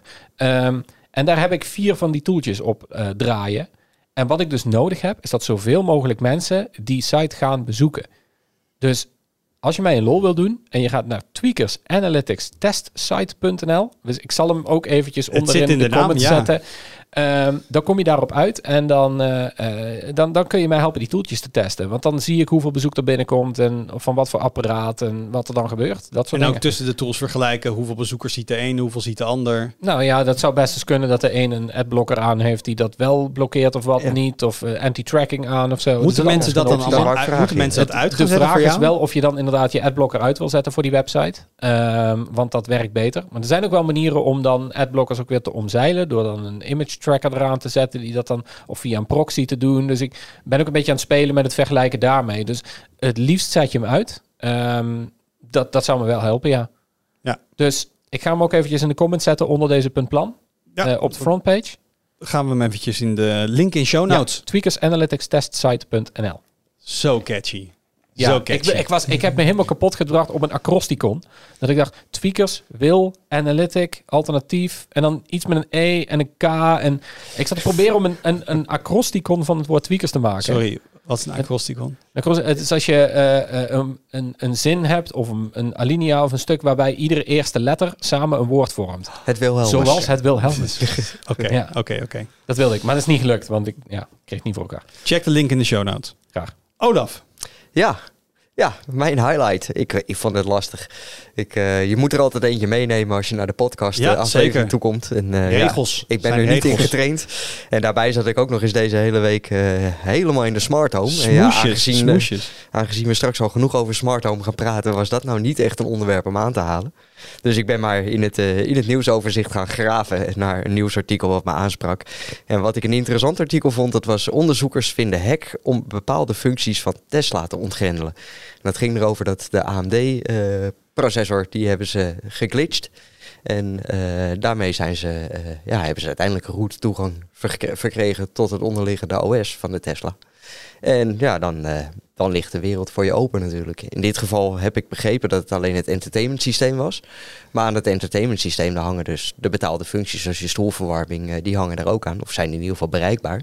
En die kan je dan, eh dan En, en de autopilot, als ik het begrijp. Ja, ik vond de, de glitch is sowieso wel. Dit, dit is echt wel next level CPU hacking. Want voor mij door de spanning heel kort aan te passen of zo. Dat Ja. er dan ergens een bit verspringt of iets anders. En dan Ja, wat, zeg maar, ik denk, om het in het kort, als ik het zelf goed heb begrepen, uit te leggen, is dat je eh, de processor eigenlijk dus inderdaad in een in, eh, eh, ja, onbepaalde staat brengt door inderdaad zijn stroom eraf te halen. En daardoor kan hij of instabiel gaan lopen, of hij kan gaan rebooten, maar in een andere bootmodus terechtkomen als dat je normaal gesproken opstart. Ja, want voor mij bleef je wel draaien, maar was het puur door een soort regulatie van de spanning, ook maar heel klein, dat hij ergens gewoon een soort foute afslag neemt. Dat er gewoon ergens een, een rekenfout Precies. En, eh, ook, ja, in, in verschijnt, waardoor ze naar binnen kunnen komen. ja, en met, eh, met hele goedkope hardware. Die, eh, Ik, ook goed, je zegt goedkope hardware. Dat is altijd de vraag die ik altijd, altijd ik schrijf heel veel, vaak over speculative execution bugs en dat soort dingen in, in Intel chips. En dan denk ik altijd, ja, dat is leuk, maar het is ook wel rete moeilijk om dat in de praktijk uit te bui- buiten. Het is maar je zegt dat kan Het- hier... Het, is eigenlijk gewoon in een bepaalde timing, eh, eh, ja, die, die processor pulsen, zullen we zeggen. En ja, als je die timing weet en je hebt een microcontroller die snel genoeg is om die timing, eh Het is die wel de signalen kennis op die die je timing te nodig hebt, denk uitsturen. ik. Ja, t- tuurlijk, Ja, maar ja, je hebt geen het. laboratoriumomgeving nodig. om Ik vond het wel eh, meteen jammer dat het de nieuwste versie met Ryzen CPU is. Want ik heb nog de oude met Intel CPU. En daar, heb ik, daar hadden ze het niet over. Maar wat ik wel... eh, wat mij wel weer eventjes... Waar je met de neus op de feit wordt gedrukt. En wat ik... Wat vinden we daarvan? Je kan dus op deze manier in de software komen. En dan kun je dus je verwarmde stoelen achter ontgrendelen. Dus jij koopt een auto. Daar betaal je dik geld voor. Dan krijg je een fysiek object. Daar zitten in de achterstoelen hitte-elementen. Dat heb je gewoon gekocht. Dat is jouw bezit. Ja. Maar ze doen het niet. Ja, de DLC voor je auto. Het is de, ja. ja. maar DLC is nog een soort van download je nog eens extra. Dit zit er al in. Het is er. ja, ja. Ja, maar ze het gaan niet betaald. aan, want je hebt niet de software unlock gekocht. Voor een puur softwareproduct met DLC is nog iets anders, maar dit is hardware. Je hebt dus die. En dat is ook gewoon puur eventjes hoe zonde vanuit duurzaamheid. Want dus dan ga je overal die dingen inbouwen en meeleveren. En hoe, het is ook Ja. een deel van de mensen zijn die het dus niet aanzet. En die heb je dus gewoon voor. Maar je hoeft niet drie, vier verschillende productielijnen Nee, om dat bij de ene wel, bij de dat dat andere tegen niet. elkaar En- op... Ja, maar ergens is het Financieel weegt het sowieso tegen elkaar Ja, oké, maar ergens is het natuurlijk wel gek dat je dan dus die, die Dat hardware inbouwt, dat mensen het gewoon niet gebruiken. En dus dat je het dus wel hebt, je hebt het gekocht, maar je mag er niet bij, totdat je dan extra geld betaalt. Of Dat is bij de Tesla's toch ook met de maximum snelheid of zo? Hoe snel dat die kan, dat kun je toch ook bij de... Nou, je hebt volgens mij, eh, oeh, ik heb niet dan zo'n, zo'n eh, je kan sowieso een performance kopen. En misschien dat je in het verleden van echt voor de aller, allersnelste modus dan dat je ook nog iets moest unlocken. Ja. Maar in ieder geval is het natuurlijk gewoon zo voor autopilot. Alle hardware voor autopilot zit erin. Maar dat is nog denk ik, oké, maar autopilot, daar wordt enorm in geïnvesteerd. Daar zitten software teams achter. Dat, daar wordt heel veel ontwikkeling aan gedaan. Daar krijg je updates voor. Dat wordt elke week zou het beter moeten worden. Dat je zegt, daar moet je een soort terugkerend betaalsysteem voor hebben. Dat moet bijna wel. Want dit is gewoon een softwareproduct wat je blijft ontwikkelen. Ja. Maar verwarmde stoelen achter, Dat, dat is niet een softwareproduct wat je blijft doorontwikkelen, zeg Nee. maar.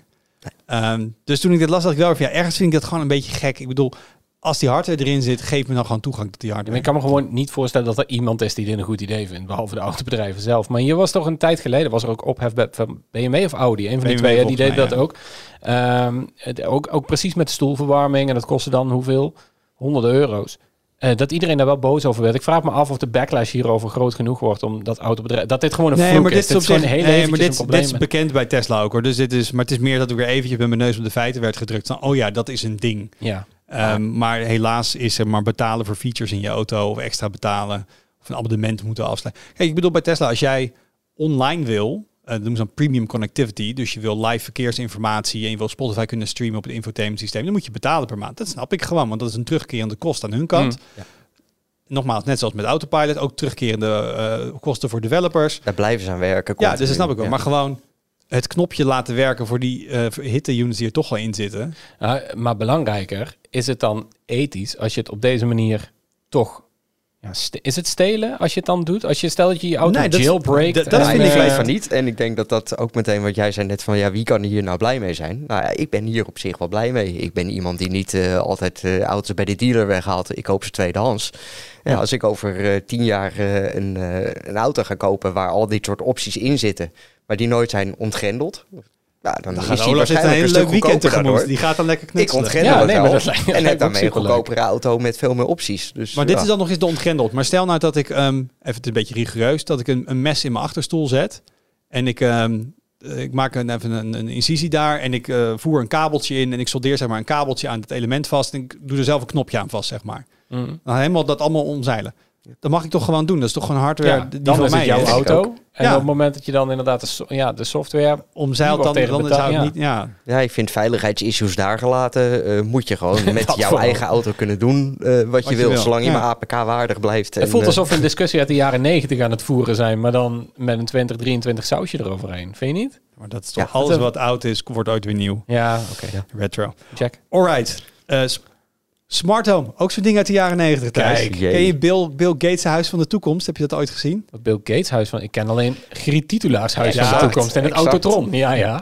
Het Huis Nog van de Toekomst. Nog geweest als kind. Ja, Het nee, maar op een gegeven moment was was Bill Gates in de jaren 90 ook heel bekend. Zo, er zijn wel filmpjes van op internet te vinden in eh 320p of zo. Eh, dat was ook wel met, met stemherkenning en de, wie in Ja. welke ruimte is met tags en zo en dat soort dingen. Oké, dus dit is allemaal oude meuk. Maar we zijn er wel mee bezig. Eh, ik wil meteen even beginnen met de knuppel en het hoenderhok gooien, want ik kan heel erg enthousiast tegen mensen over smart home praten en dan krijg je soms van die rollende ogen. Ja, leuke hobby, maar wat heb je hier nou aan? Dus even, even heel eerlijk, ik hou ons even een spiegel voor. Vinden wij nou het hebben van zo'n smart home en die hardware en die automatiseringen, is dit nou echt nuttig? Of is het vooral ook gewoon heel erg hobby? Ja, ik zeg het is nice to have, niet need to have. Je kan prima leven in een, in Tuurlijk. een niet-smart huis. Maar Ik denk dat de wereld dat al wel heeft uitgewezen. Dat, daar hadden we niet echt een vraag over. Ik denk dat nuttig, nuttig hangt heel erg van je applicatie af, van hoe je het doet. Kijk, ik heb, eh, ik heb een slimme lamp en die wordt iedere donderdagavond eh, groen of oranje op het moment dat het vuilnis naar buiten moet. Ja, dat, dat, is dat nuttig? Nee, niet echt, want ik moet gewoon op donderdagavond mijn vuilnis naar buiten zetten. Ehm, maar de lampen dat die s'avonds aangaan om drie, drie kwartier voor zonsondergang, ja, dat vind ik wel nuttig, ja. Het hangt heel erg gewoon af van hoe je dat... Ja, en de Ja. vraag is, is het nuttig omdat jij het gebouwd hebt en er een soort plezier uit haalt? Of eh, even kijken, jij, jij woont samen met je vriendin. Vindt, vindt zij dit ook nuttig? Oh, die, had altijd- die had ik maar- graag aan tafel willen zeg hebben. maar de partner acceptance factor krijgen. En ik bedoel, dat is altijd als Ja. iemand die gewoon al die technische onzin, quote unquote, niks zit, maar wel zegt, maar ik vind het wel handig. Dan heb je een soort van drempel over, Ja. je dan. Zij vindt sommige dingen vindt ze inderdaad handig, sommige vindt ze ook inderdaad minder handig. Ehm, de, de- ja, Dus dat is misschien wel een soort van stamp of approval. Dus wat vindt ze in jouw huis handig? nou dat de lampen aangaan wel. Maar toen zei ze op een gegeven moment, zei ze van, ja, maar ik vind het wel een hoop gedoe als ik ze elke keer aan wil zetten op een eerder moment dat ik dan een appje erbij moet pakken, dan wil ze gewoon naar de muur lopen en een knop omzetten. Schrok ik eventjes van. Dacht, dat ik dacht van, eh, maar dat is niet de bedoeling. Nee, ik moet, het moet gewoon allemaal geautomatiseerd. En, Oké, maar dan eh, komen we dus zo meteen ze op het vindt onderwerp. Sommige, sommige dingen vindt ze handig. Dus het feit dat je inderdaad, eh, dat de lampen aangaan, dat je de stofzuiger aan kunt zetten op het moment dat je op vakantie bent of allebei van huis bent, dat, dat zijn wel handige implicaties of applicaties. Ja. En dan komen we zo op het punt van dingen als je gaat beginnen, keuzes die je wel niet moet maken. Want ik hoor Ja. net al bij jou dat jouw knoppen niet meer werken. En dan gaat er op mij. Nee, jawel, jawel, jawel. Oké. Nee, die werken nog wel. Alleen, eh, Waarom kan ze dan niet met de knop aanzetten? ja, dat kan ook wel. Maar Oh. dan kan die alleen maar aan en uit. En als je hem dan, ja, Dimmen of. Dimmen ja, wil ja, je Ja. wil niet dimmen. Of allemaal tegelijk of zo. ja, nee, ik, ik snap wat je bedoelt. Dus we zeggen eigenlijk, en daar ben ik het wel mee eens. Ik vind dat er echt een paar dingen zijn die. ehm, ja, het, je moet even oppassen dat je niet te veel waarde gaat denken. Dus eh, noem het nice to have, quality of life. Ja, gaat mijn levenskwaliteit naar echt omhoog. Maar gewoon handige dingetjes waar je ook echt wel zonder kan. Maar waarvan ik blij als ik een ruimte binnenloop bij mij thuis, gaat het licht aan. Afhankelijk van of er genoeg licht is, of het donker is, of het licht is. Hè. Er zit een luxmeter in. Ja, dat vind ik gewoon. Ik denk daar niet meer over na. Ik ga gewoon, loop, loop de keuken in en de lamp gaat aan. Weet, je- weet je wat het is? Het is nuttig op het moment dat het exact werkt zoals je wil. En het, ik heb altijd wel applicaties waarbij het waarbij net iets ontbreekt of zo. Ik heb bijvoorbeeld een, een zolderlamp. Ehm, daar heb ik een bewegingssensor op. En die gaat namelijk gewoon aan als ik naar boven loop, zodat ik die van de trap afdonder. Ik wil dat die lamp alleen maar aangaat eh, in de avonduren. Maar als jij s'nachts eventjes naar boven moet, om wat voor reden dan ook, dan gaat die lamp ook aan. En dan is gelijk het hele huis verlicht. En ik wil eigenlijk dat die dan gewoon, dat die dan alleen aangaat op, of op, op 1% of zo. Of helemaal Ja, niet. Ik, ik hoor hier gewoon slechte scripting. Want dit kun Nee, je dat prima... maar dit is het probleem. Is dat elke keer is er wel zo'n probleempje waarbij je denkt van ja, maar nu zou ik wel willen dat die aangaat. En dan weer niet in die condities die erachter zitten. De, de, de en if dat-. Ja, dat Dat moet je leuk vinden. Dus en daar ben ik het Ja, wel mee eens. precies. Het is nog niet zo plug-and-play. Wat natuurlijk heel plug-and-play is, is een Philips Hue kitje en dan de app opstarten en zeggen, kijk, nu is hij rood. Maar dat is gewoon een party trick weer en dat moet je allemaal handmatig doen. Maar de logica bedenken met alle stappen en condities, dat Ja. is nu voorbouw denk ik aan mensen zoals wij die dat leuk vinden om daarover na te denken. Ik vind dat een uitdaging. Oh, wacht eens, maar in die situatie wel, maar dan niet, maar dan wel. En dan zeg maar als Ja, ik maar dat werkt bij mij dus echt alleen in ieder geval in huis als het, als het echt, het moet alles of niks zijn. Je kunt niet zeggen van ja, het, het werkt s'nachts, maar als je dan... Nachts Nee, want dan, dat is wel als, zo'n als zo'n oplossing 80% van de tijd werkt, werkt het niet. Ja, precies. Of 90%. Ja, en ook als je met andere mensen in huis woont. Oké, dus eventjes voor deze vraag. Ik denk dat we allebei echt wel allemaal drie hier dingen zien die echt, eh, echt fijn zijn om te hebben. Ik denk vooral verlichting die automatisch gaat. Of dat je met één druk op de knop alle lampen in je huis kan uitzetten als je naar bed gaat. Of dat soort dingen. Hè, dus ik denk verlichting is maar altijd level 1, zeg maar. Dat is gewoon het eerste niveau van waar je dingen wil automatiseren. Je moet het leuk vinden om op dit moment nog in ieder geval om na te denken over de logica erachter. Eh, misschien dat we in de toekomst krijgen, hoi assistent, uh, zorg dat bla bla bla bla bla bla en het wordt voor je gedaan. Maar daar zijn we nog niet. Ehm, en er zitten vast ook heel veel dingen in die wij leuk vinden, waarvan je zegt, ja, dat is meer gewoon om mee te nerden. Ehm, maar het, het dingen als, als ik mijn deur uitga s ochtends, dan zit er een knop op mijn slimme slot. Dus dan gaat de deur dicht. Dan uh, op slot, als ik de achter me dicht trek na vijf seconden. Dan checkt hij het weerbericht voor die dag. En als hij is boven en de zonintensiteit, uh, als hij boven een bepaalde waarde uitkomt, dan gaat mijn zonnescherm alvast naar beneden. Dat het huis niet opwarm, maar koud blijft.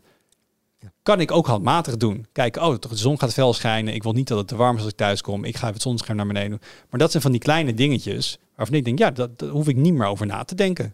Dat gaat automatisch.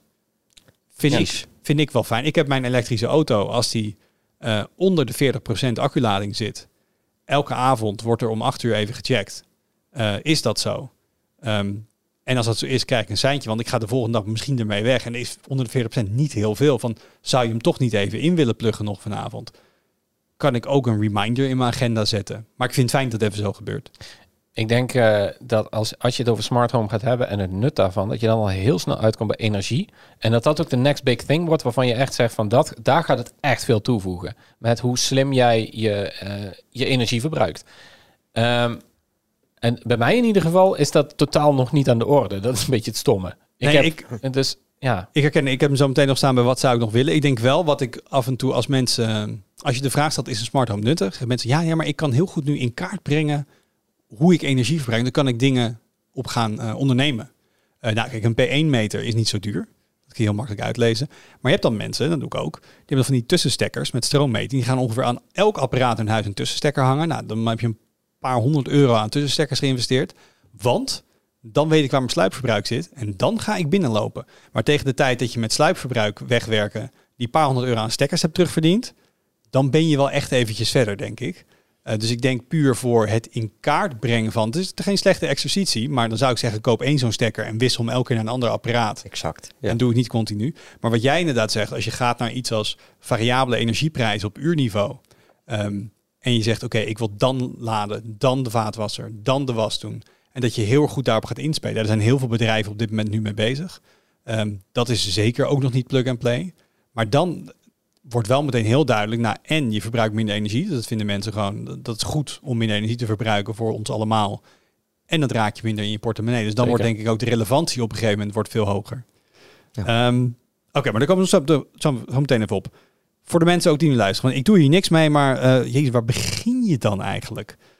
Wat gebruiken jullie? Want je moet uiteindelijk, um, zijn we wel van overtuigd, één brein hebben wat het aanstuurt. Want misschien even een definitiekwestie. Zeggen, ik heb acht appjes op mijn telefoon en daar kan ik allerlei verschillende dingen mee bedienen. Dat noem ik niet slim.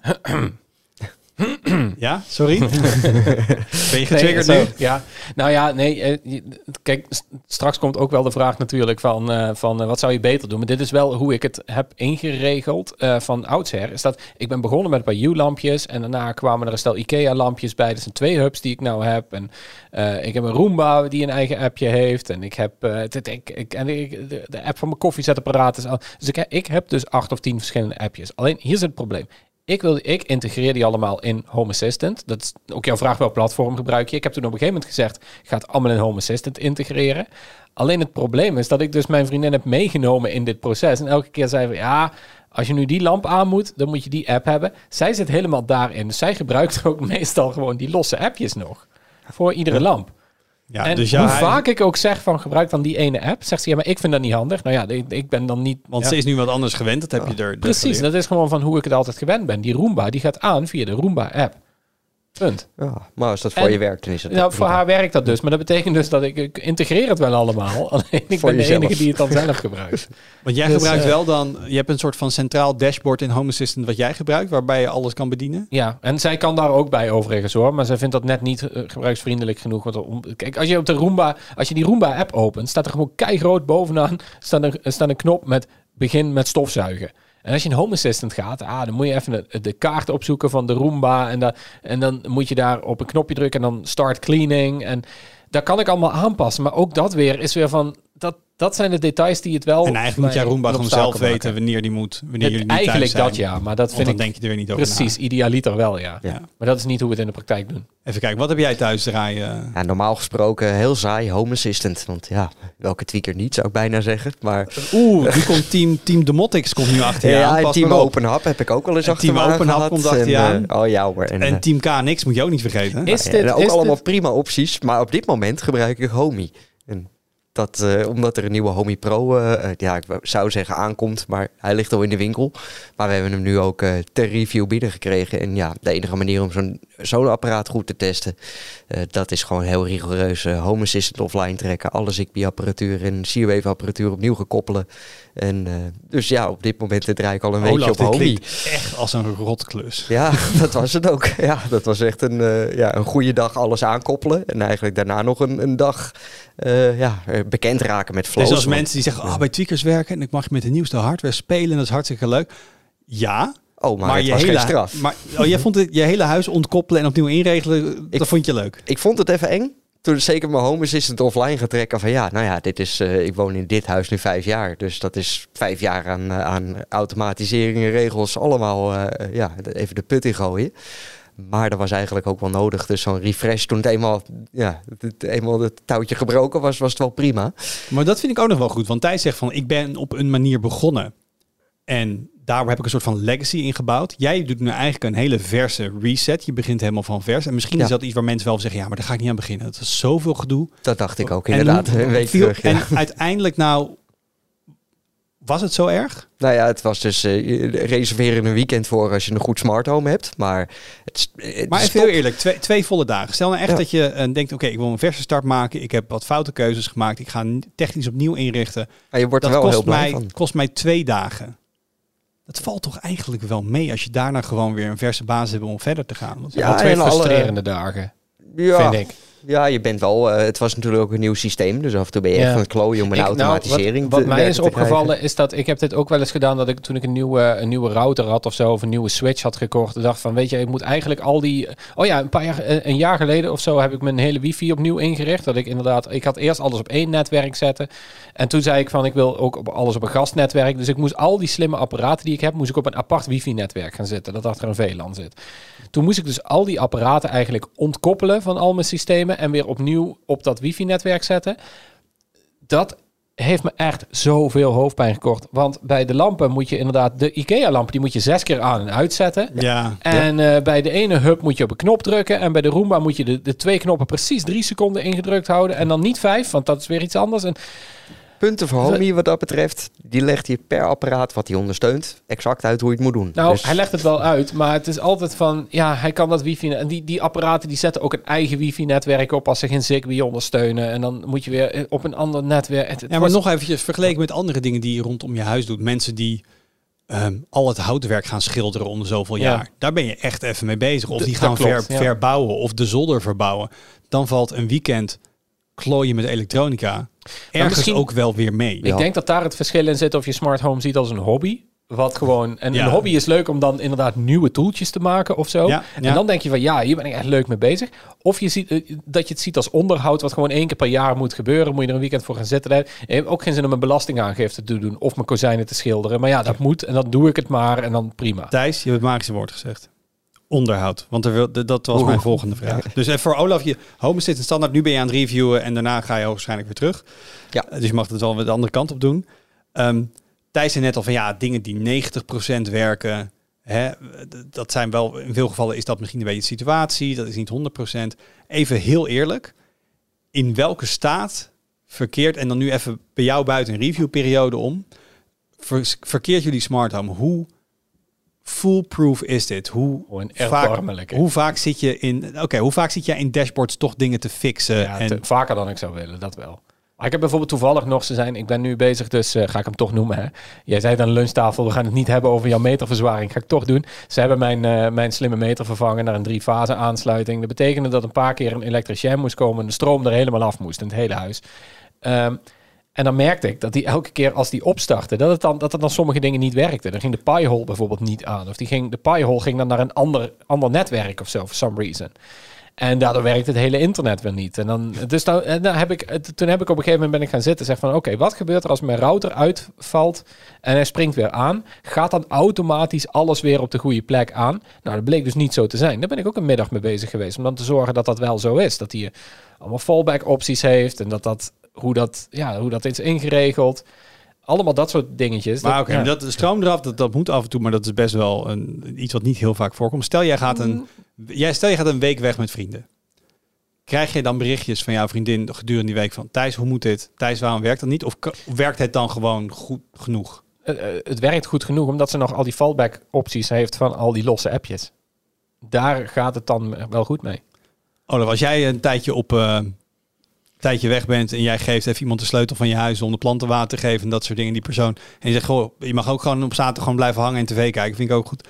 Kan die persoon met jouw huis overweg? Ja, in de basis krijg je alles wel aan en uit via de Home Assistant pagina. Maar Dus eh, je moet al toegang, hebben, toegang Ja. hebben tot software. Ja, dat wel. Je moet even eh, inderdaad toegang krijgen, want... eh, nou, nee, eigenlijk, ik heb overal ook nog wel wandschakelaars voor. Dus zelfs Ja. al zou je helemaal analoog gaan bedienen, dan Dat kom je is- er nog wel dat in is mijn natuurlijk huis. wel de Dat belangrijkste. Hè? Eventjes, als je, als je een noob op smartphone eh, home gebied bent. eh, De nummer één regel, en eigenlijk ook de nummer twee tegelijk, is smart home moet altijd een laag bovenop zijn wat je al doet. Bovenop de manier waarop je nu je lampen aanzet. Je lampen moeten altijd met een knop aan en uit kunnen gaan. Onge En die, dit smart home ding moet er een, een stapje boven zijn en niet een vervanging van. Want je hebt ook van die mensen die gaan dan inderdaad hun, hun schakelaar inderdaad aanpassen of helemaal weghalen zelfs. Ja, dat is gewoon dom. Nou, ik, had, is- eh, dat- ik had mijn mechanische ventilatiesysteem wat ik aangepast. En eh, verdomd, die ging een half jaar geleden tijdens het onderhoud, eh, had de monteur hem gesloopt. Dus toen moest een nieuwe komen. En toen kwam die man met een nieuwe ding en die hangt hem erin en steekt de stekker erin en zegt van nou, ja, kijk even of je hem kan bedienen.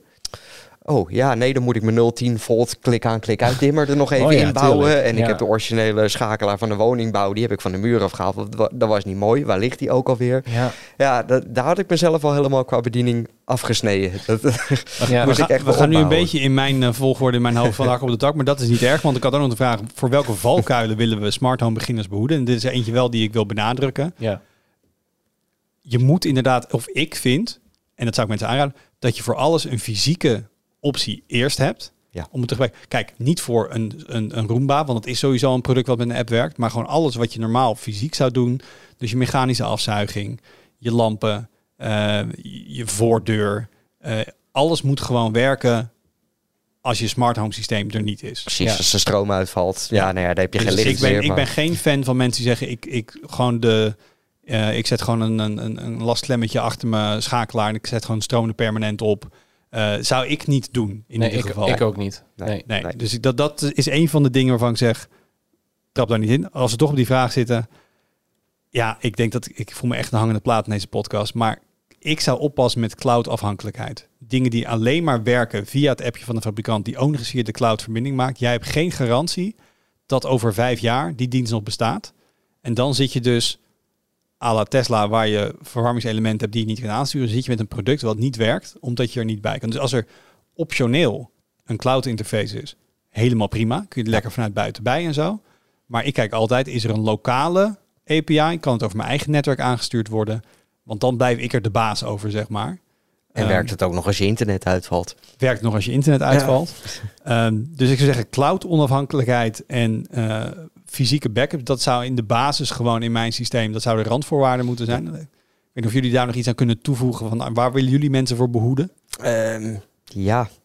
ja, ik heb heel veel ehm, eh, eh, dingen in het begin op MQTT aangesloten. Maar gaat alweer wat, er is alweer wat gevorderd. Maar toen dacht ik echt van nou, dat is het, eh, het beloofde platform. Als ik het daarop aansluit, dan werkt het met alles. Ja, in de praktijk had ik dat wat verkeerd aangepakt. Want er eigen protocol voor geschreven. En daardoor wordt het natuurlijk niet herkend door andere... eh, Jij hebt veel zelf bouwen. domotica systemen. Maar ja, probeer inderdaad zoveel mogelijk bij standaarden te houden. En standaarden waarvan je een beetje eh, weet dat ze de komende jaren nog wel eventjes in, eh, in gebruik blijven. En niet zo snel achtergelaten worden. Dat, dat is een van de dingen, denk ik, waar, ja, wat je veel e-waste zou kunnen schelen op termijn. Ja, ik ga even, even terug naar uh, een onderwerp uit het begin. Want we hebben nu een paar keer Home Assistant genoemd. En misschien luisteren nu mensen en denken, ja, dat klinkt hartstikke leuk. Of mensen zeggen, ja, dat klinkt mij veel te ingewikkeld. Waar zouden mensen nu uit moeten kiezen? Dus iemand die wil aan een smart home beginnen. En misschien kun je het een beetje, uh, Olaf, jij zit hier van ons het meest in. Kun je het een beetje van, van volgorde van makkelijk naar moeilijk doen. Maar als iemand zegt, ja, ik wil wel dus met die lampjes een beetje. En dat het licht misschien automatisch aangaat. Misschien een bewegingssensor. Maar het moet allemaal niet ingewikkeld hebben. Nou ja, dat uh, sowieso is natuurlijk een gecentraliseerd platform is handig, die inderdaad veel verschillende fabrikanten en apparatuur ondersteunt. Als je dan heel simpel kijkt, dan heeft iedereen al een Apple of een Android-telefoon in zijn zak. Daar staat Google Home of uh, Apple, Apple Home op. En daar kan je al apparatuur aan koppelen, kan je al simpel, simpele scriptjes in maken. Google Home heeft, Home laatst weer een nieuwe interface voor gekregen. Dus ja, als je echt gaat beginnen, dan zonder extra te investeren, zou je daar al meteen, heb je al een nuttig platform. Ja, zit je maar, wel eens helemaal in die cloud-afhankelijkheid, maar precies, je investering is, is, ook nul. Inderdaad. Nou, wil je dan iets meer uh, kunnen automatiseren, dan zou je bijvoorbeeld kunnen kijken naar, naar Homey. Homey heeft een, uh, een optie om een bridge en een cloud een abonnement op te af te sluiten. De bridge is, nou, uit mijn hoofd... 69 euro? Ja, 69 inderdaad, ja. En uh, ja, abonnement een paar euro per maand. En dan heb je voor vrij weinig heb je al best wel een serieus platform. Alleen ook weer cloud-afhankelijk. Dus ja, en op het moment dat je dat eigenlijk uh, achter je wil laten, um, ja, dan, wordt het wat lastiger. Dan heb je bijvoorbeeld uh, dingen als de EOTech Hub van SmartThings van Samsung. Die, die hebben een eigen platform. Ja, niet super compatible met heel veel dingen. Ook niet super mooi. Dus ja, om daar nou in te gaan investeren. Uh, ja, de Homey die ik nu bekijk, dat is de pro-versie. Uh, de pro-versie inderdaad. En het vers verschil met de Homey uh, Bridge en de Cloud en de Homey Pro is dat de Pro eigenlijk alles lokaal kan draaien. En ja, daardoor ben je dus niet meer afhankelijk van internet, van, van externe services en fabrikanten. Um, en ja, op het moment dat je zegt van nou ja, ik ben zelf wat handiger, ik vind het leuk om ermee te klooien en dingen uit te zoeken en ik wil er slimmer van worden, ja, dan Home Assistant, Domotics, OpenHub. Dan zou je wel zelf echt een, een, een servertje moeten gaan draaien, Raspberry Pi in moeten gaan zetten. Dat hoeft trouwens niet per se, want we hebben een collega die sinds kort uh, voor energiemonitoring uh, zijn Domotica systeem op zijn router draait. Die draait uh, Domotics op OpenWRT met een P1 meter op USB en zijn router. Kan al genoeg zijn. Klinkt ook niet heel, eh, heel simpel. Nee, er waren wel een. Uh, via Slack uh, ben ik een dag bezig geweest om, hem, uh, om het operationeel te krijgen via hem. Dat, dat was niet, niet plug and play, nee. Maar ja, dat zijn. Ja, eigenlijk als je echt gevorderd dus inderdaad een gevorderd smart home wil aansturen. En je wil niet klooien, koop een homie. Wil je wel klooien, ja, pak een van de mooie open source alternatieven. ga dat zelf draaien. Ja. Oké, dan heb je dus je brein gekozen. Dan denk je, zo ga ik het aansturen. Ja. Ehm, en als je dan producten gaat kopen, waarvan je zegt, nou, ik ga een lamp of een bewegingssensor, dan heb je allerlei verschillende standaarden. We hebben het natuurlijk ook vaak nog over Matter gehad. Nou, dat parkeren we even, want dat is nog echt even iets te veel toekomstmuziek, denk ik. Maar als je nu naar de winkel gaat, welke opties heb je qua protocollen? Uh, en, wat, en wat zou jij zeggen, wat zou je iemand aanraden? Als je het bijvoorbeeld hebt over lampen, dan zie je eigenlijk Zigbee-lampen, C-Wave-lampen, wifi-lampen. En als je heel erg veel geluk hebt en je vindt er nog een, een 433 MHz lamp. Klik aan, klik uit, zullen de meesten dat wel kennen. Vroeger was dat, nu hebben die een Zigbee-lijn, vroeger niet. Nou, 433 niet naar kijken. Um, eigenlijk is op dit moment de zinnige keuze als je iets kan kopen. Wat Zigbee of C-Wave ondersteunt, kies een van die twee. En meestal is de Zigbee variant ietsje goedkoper dan de Z-Wave variant. Dat komt omdat Z-Wave, uh, daar moet je een certificaat bij hebben voordat je dat product een Z-Wave product mag noemen. Dus het moet gecertificeerd zijn, aan bepaalde standaarden voldoen, moet je laten beoordelen. Dus vaak is de ontwikkeling van zo'n product duurder en dat betaal je dan. Maar dat maakt ook dat Z-Wave in feite zou je zeggen de stabielere keuze is, omdat dat platform wel heel erg uh, ja, gecontroleerd wordt. Dus er komen geen gekke producten die hele rare dingen doen over het algemeen in, in het C-Wave spectrum voor. Omdat die producten gewoon goed, goed doorgetest zijn, goed nagekeken zijn door derde partijen. En ja, bij Zigbee is, uh, ja, daar wordt niks gemanaged. Dus iedereen mag uh, een Zigbee product maken, daar een eigen protocolverandering in implementeren en dat gewoon te markt doen. En Daarmee zou je met goedkopere Zigbee-producten heb ik bijvoorbeeld nog wel eens gezien dat je netwerk uh, echt instabiel kan maken doordat het niet goed als repeater functioneert bijvoorbeeld of veel te veel berichten uh, uitstuurt. En Dus ja, maar... Duidelijk, ja, maar dan hebben we nog eh, moet een, oude, een oude bekende. Die we voor heel veel dingen gebruiken. Gewoon wifi. Wat is er mis met wifi? Eh, wifi op zich niet heel veel. Alleen er zijn wat nadelen als je bijvoorbeeld kijkt naar eh, eh, sensoren. Eh, ja, wifi heeft nu eh, de nieuwe eh, variant. Die heeft een mooie slaapmodus. Maar dat zat er voorheen niet in. Dus een batterijgevoerde sensor op wifi, ja, dat loopt zo leeg. En je had bijvoorbeeld, ik heb een plansensor gehad eh, die met wifi werkt. Nou, dat ding dat sliep, werd wakker. Moest eerst verbinden met wifi, dan zijn data lozen. Eh, Dat, dan was hij heel lang wakker. Nou, die deed het op een paar penlights, deed hij tegen twee, drie maanden. En dan kon je het weer vervangen. En dat, dus ja, wifi is wat dat betreft niet zo'n lekker protocol voor batterijgevoerde dingen. En ehm, je gebruikt je wifi natuurlijk niet alleen voor je lampen. Maar ja, je zit er ook gewoon op de Netflix. eh, eh, je doet er van alles mee.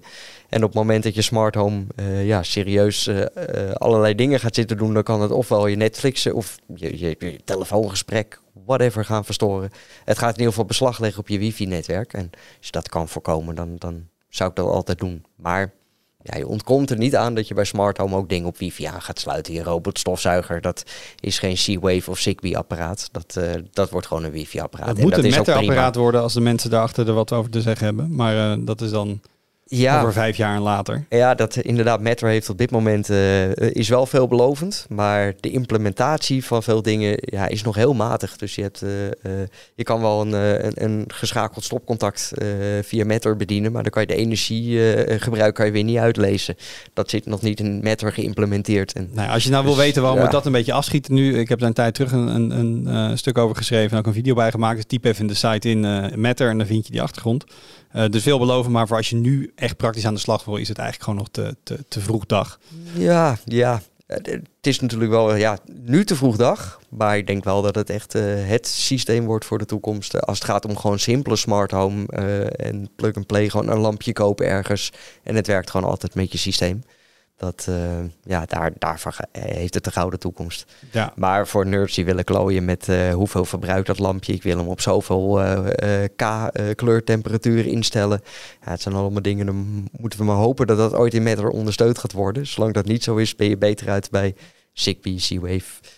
Eh, Ja. Lampjes waarmee je alle dingen zelf kan, eh, ja, die ontsloten worden en zelf kan bedienen. Laten we nog even lekker nerden op het eind dan. Dan gaan we wel gewoon even get your eh, smart home freak nerd flag aan. Ehm, wat hebben jullie nu nog niet, maar wat je wel toch echt heel graag zou willen? Hebben jullie een soort smart home wishlist als je los kan gaan? Ik zie Thijs heel serieus knikken. Nou ja, ik wil een slim slot, heel graag. Dat krijg ik er thuis moeilijk in. Want, eh, nou goed, mijn partner vindt dat niet, eh, geen heel fijn idee. Dus eh, dat, eh, dat respecteer ik dan. Ja. Maar ik hoop dat ik, als ik nog een jaar blijf doorzeuren, net als de 3D-printer, dat die dat dan uiteindelijk komt. En deze ga je wel gebruiken. Je moet toch je Oh, huis in en uit. Oké, oké, oké. Savage. Is wel zo. Ik wil ook heel veel spullen voor mijn, eh, voor mijn babykamer. Ik krijg in oktober eh, mijn eerste kind. En eh, ik wil, ik, volgens mij zitten daar heel veel mogelijkheden aan om daar iets te doen. Het, we hebben ook een heel traditionele rol dit. We zijn het het best een geëmancipeerd stel volgens mij. Maar als het over dit soort dingen gaat, is het wel echt van... Ik mag de babymonitor uitzoeken en zij gaat de kleur voor de kamer bepalen. Dus dat is echt heel, eh, heel traditioneel. Ehm, maar ik ben dus nu op zoek naar een, eh, een, een babymonitor. En die wil ik het liefst natuurlijk een analoge, dat je hem altijd kunt gebruiken. Ik wil er ook eentje met een beeld, maar dan moet hij niet op internet worden uitgezonden. Eh, geen idee wat er dan is. Dus als iemand daar van de luisteraars een tip over heeft, ik sta heel erg open voor, eh voor Alles suggesties. Heel slimme babykamer. Ja, maar ook bijvoorbeeld een maat van mij, die heeft ook een, een jaar geleden een kind gekregen. En die zei, ja, ik heb een eh, druksensor onder zijn bed gelegd. Dan kan ik zien eh, hoe die slaapt en eh, wanneer die wakker wordt en dat soort dingen. Misschien een geluidsmeter of zo, dat je, dat je als je boven zit, dat, dat je hem eerder hoort huilen, zoiets. Ik, ik weet niet, volgens mij zijn er heel veel opties om hier heel slim mee te gaan. En, En gewoon lekker pielen. en En, lekker inderdaad, ja. Ja. Precies. Maar dat vind ik dan wel... Het, dat, het- bij mezelf heb ik best wel zoiets van... Ja, als het een beetje privacy kost hier en daar... dan kan ik best mee leven of zo. Maar bij je kind vind ik dat wel... vind ik, Ja. vind ik dat nog een stapje erger. Eh, en, het- en dat moet ook gewoon werken. Je wil geen babymonitor die 90% van de tijd werkt. Nee, Dat dit, lijkt, eh, dit gaat vind ik om- met een beveiligings... Vind ik met mijn slimme deurbel kan me dat niet zoveel verrekken... als die er een weekje uit ligt. Maar Dit gaat om eh, een ander mens. Heel toevallig, Precies. mijn, mijn neefje is, we dachten dat het opname is één jaar geworden. En ik stuurde mijn broer vandaag, gefeliciteerd met het één jaar lang in leven houden van een ander klein mensje. Want zo, dat, dat is wat hij gedaan heeft, zeg maar. ja, dat is wel zo, en ja. dat is wat Ja. jij gaat doen, Ja, dus dat wil je inderdaad, dat moet altijd werken. precies. Ja. Ehm, Olaf, Ja, ja, daar kan ik wel een hele lijst gaan opnoemen. Doe, doe een paar Doe highlights mij op ervan maar een slim slot, want die heb ik nog niet. Eh, ja, aanwezigheidsdetectie. Dat, eh, ik heb nu wel eh, overal bewegingsmelders, maar radarsensortjes, daar zie ik eigenlijk voor de toekomst veel meer in. Ehm, sowieso omdat die veel preciezer kunnen detecteren, eh, wat minder afhankelijk zijn van hoeken en, en eh, dingen waar die niet achter kan kijken. En omdat je met die precieze detectie misschien ook in de toekomst wat beter activiteiten kunt gaan eh, detecteren. Dus in plaats van dat ik nu moet zeggen, zet een flipperkast aan, kan hij straks gewoon zien dat ik achter mijn flipperkast sta. En dat hij, ja, dat hij hem dan gewoon aangooit. Weet Veel preciezer kan bepalen wat ik wil. Precies. Ja, Ehm, ja, wil ik nog meer? Eh, sowieso is een, eh, dit jaar is het jaar weg met de doorprikstekkers. Eh, ik heb, eh, probeer overal nu shelletjes in of achter of eh, ja, op te bouwen. Voor de in mensen plaats van die, die eh, stomme doorprikstens. publiek waar we het nu voor doen, die, die Shelly, dat is een fabrikant van smart home modules. En dat kun je bijvoorbeeld achter je schakelmateriaal plaatsen. Precies, in plaats van dat je een, eh, ja, een, een groot blok in je stopcontact waar je dan weer een stekker in steekt en dat blok schakelt het, eh, zit dat nu inderdaad netjes achter je stopcontact. Het is zo klein dat je het ook... Een eh, slim kroonsteentje eigenlijk. Precies, ja, je zou hem ook eh, prima in je koffieapparaat bijvoorbeeld kunnen wegbouwen als je die wil kunnen schakelen via je smart home. Dan, Ja. eh, dan zet, je, zet je de 230 ingang, eh zet je hem daar nog even tussen. Eh, een deurbel met een camera, maar dan wel zelf gebouwd of in ieder geval een oplossing die totaal niet cloud-afhankelijk is, maar die gewoon helemaal zelf... eh, want ja, bij mij, eh, bij mijn smart home zijn er wel wat dingen die eh, aan de cloud hangen, maar het liefst ja, stap ik daar gewoon zo snel mogelijk vanaf. Ja. En ja, mijn deurbel hangt nu niet aan de cloud, maar ik mis daar wel een camerafunctie. En ja, maar ik vind het dan weer te simpel en te gemakkelijk om daar een Google eh, deurbel eh, op te hangen. Dat zal prima werken hoor. Ik, ik kan de M-Crest aanraden. Die werkt met een SD-kaartje erin. Dat is een eh, hele goeie. Kijk, nou, dat zijn inderdaad En voor mij heeft, Ja. heeft eh, Eufy niet een eh, ding wat helemaal lokaal werkt. Ja, maar dan moet je altijd een base station hebben, hè? Ja, dan, heb Dan je moet je echt gelijk in dat hele ecosysteem stappen. Dat ja, was maar het is probleem wel die- cloudloos volgens mij. Ja, het is dat- wel dat klopt. binnen je eigen netwerk. Ja, dat klopt. Maar dan moet je dus wel inderdaad eh, heel... Dan, je moet wel in dat hele ecosysteem stappen, wil je dat eruit halen of zo. Dat is een duur spul. Dat, en zo'n M- en zo'n M-Crest, die is, dat is gewoon... Ik bedoel, even, dat is een goede opmerking die je nog even maakt. Ik vind wel, hobby mag geld kosten. Als je op de bank laat staan, oké, tegenwoordig krijg je weer wat rente. Maar, eh, hè? Ehm, en iedereen heeft zo zijn zijn hobby's. Maar dit is allemaal bij elkaar natuurlijk wel. ehm, je moet er ook wel het geld aan uitgeven. Dat daar ontkom je niet aan. Maar goed, ja, ja, als je het echt lekker kan knutselen, is mijn ervaring eigenlijk wel dat deze hobby uiteindelijk voor wat je ervoor terugkrijgt alleen maar geld bespaart. Ik heb een aantal dingen nu zelf gebouwd die veel duurder zouden zijn geweest als ik ze kant-en-klaar had moeten aanschaffen. Ja, maar als je er helemaal Uurtarief niks moet je mee, even als niet je helemaal niks mee hè? zou doen, had je 0 euro gekost. Dus die gaat niet helemaal op, die vliegen. Nee, dat is waar, oké. Maar ten opzichte van nieuw kopen kun je inderdaad dingen, dingen... Ik vond trouwens wat je zegt, weg met de doorprikstekkers en inbouw in de muur. Dat goed dat je die zegt, want daar moet ik ook misschien maar eens naar kijken. Want ik heb best wel veel van die tussenstekkers. Ja. Eh, omdat ik toch ook wel stroom wil meten. En vooral ook niet alleen gewoon wat doet het nu, maar ook gewoon voor een energiedashboard over lange tijd. Ehm, en dat is natuurlijk mooier als het erin zit. Ja, Seychelles eh, denk ik me nu nog even. Dat is dan weer een mooi voorbeeld waar ik mezelf een soort van tegenspreek. Want eh, dat is een heel simpel schakelaartje, maar wel op wifi aangesloten. Eigenlijk zou je zo'n ding op Zigbee moeten kopen.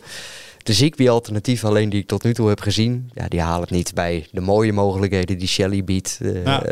Ja, voor die twee tientjes die zo'n apparaat kost. Dan toch maar een beetje wifi eh, in je huis. Precies. Ja, als ik nog zou moeten nadenken, ehm, het is een heel simpel ding wat veel mensen hebben, maar eh, mijn meubels op dit moment kunnen niet overweg zijn, want te laag is. Ik heb geen robotstofzuiger, dus ooit als ik nieuwe meubels ga kopen, dan ga ik eerst de gemiddelde hoogte van een robotstofzuiger opzoeken en dan ga ik zorgen dat die clearance er is of andere poten eronder. Ja. Ehm, precies wat jij zegt, infra- van over van infraroodsensoren naar radar, dat het gewoon veel preciezer is. Het probleem is radar is energiehongeriger. Dus een infraroodsensor werkt vaak gewoon op, bijna altijd op een batterijtje. Ja. Eh, radar heeft stroom nodig. Dus eigenlijk, voor iedereen die nou nieuwbouw gaat doen of een grote verbouwing en iets met smart home wil, verlaag je plafond met een paar centimeter.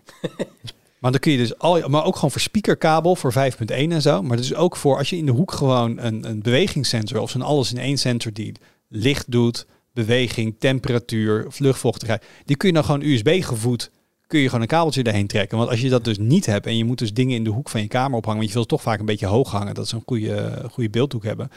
En je moet dan kabels daarheen gaan trekken. Dat is natuurlijk super lelijk. Ja. Eh, dus soms denk ik van, had, als ik nou gewoon een iets verlaagd plafond had, waar ik dat allemaal bovenlangs kon laten lopen, ah, dan kon ik het zo mooi doen. ja, ja, Maar ja, ik ga nu niet, nu alsnog in het huis waar ik woon, mijn plafond verlagen. Ehm, ja, en wat, wat jij in het begin zei, eh, Thijs, van ja, op een gegeven moment als je dus je energiegebruik kan afstemmen op de energieprijzen, Dat zou interessant zijn. Maar dan moet ik dus wel witgoed hebben Ja. die aanstuurbaar is. Dat ik echt kan zeggen, oké, ik vul de vaatwasser. En nu kan ik een timer opzetten. Maar ja, dan moet je wel een beetje... Als het echt variabel is, dan kun je dat niet echt timeren. Nu kun je het wel voor het la- eh, hoog-laag tarief doen.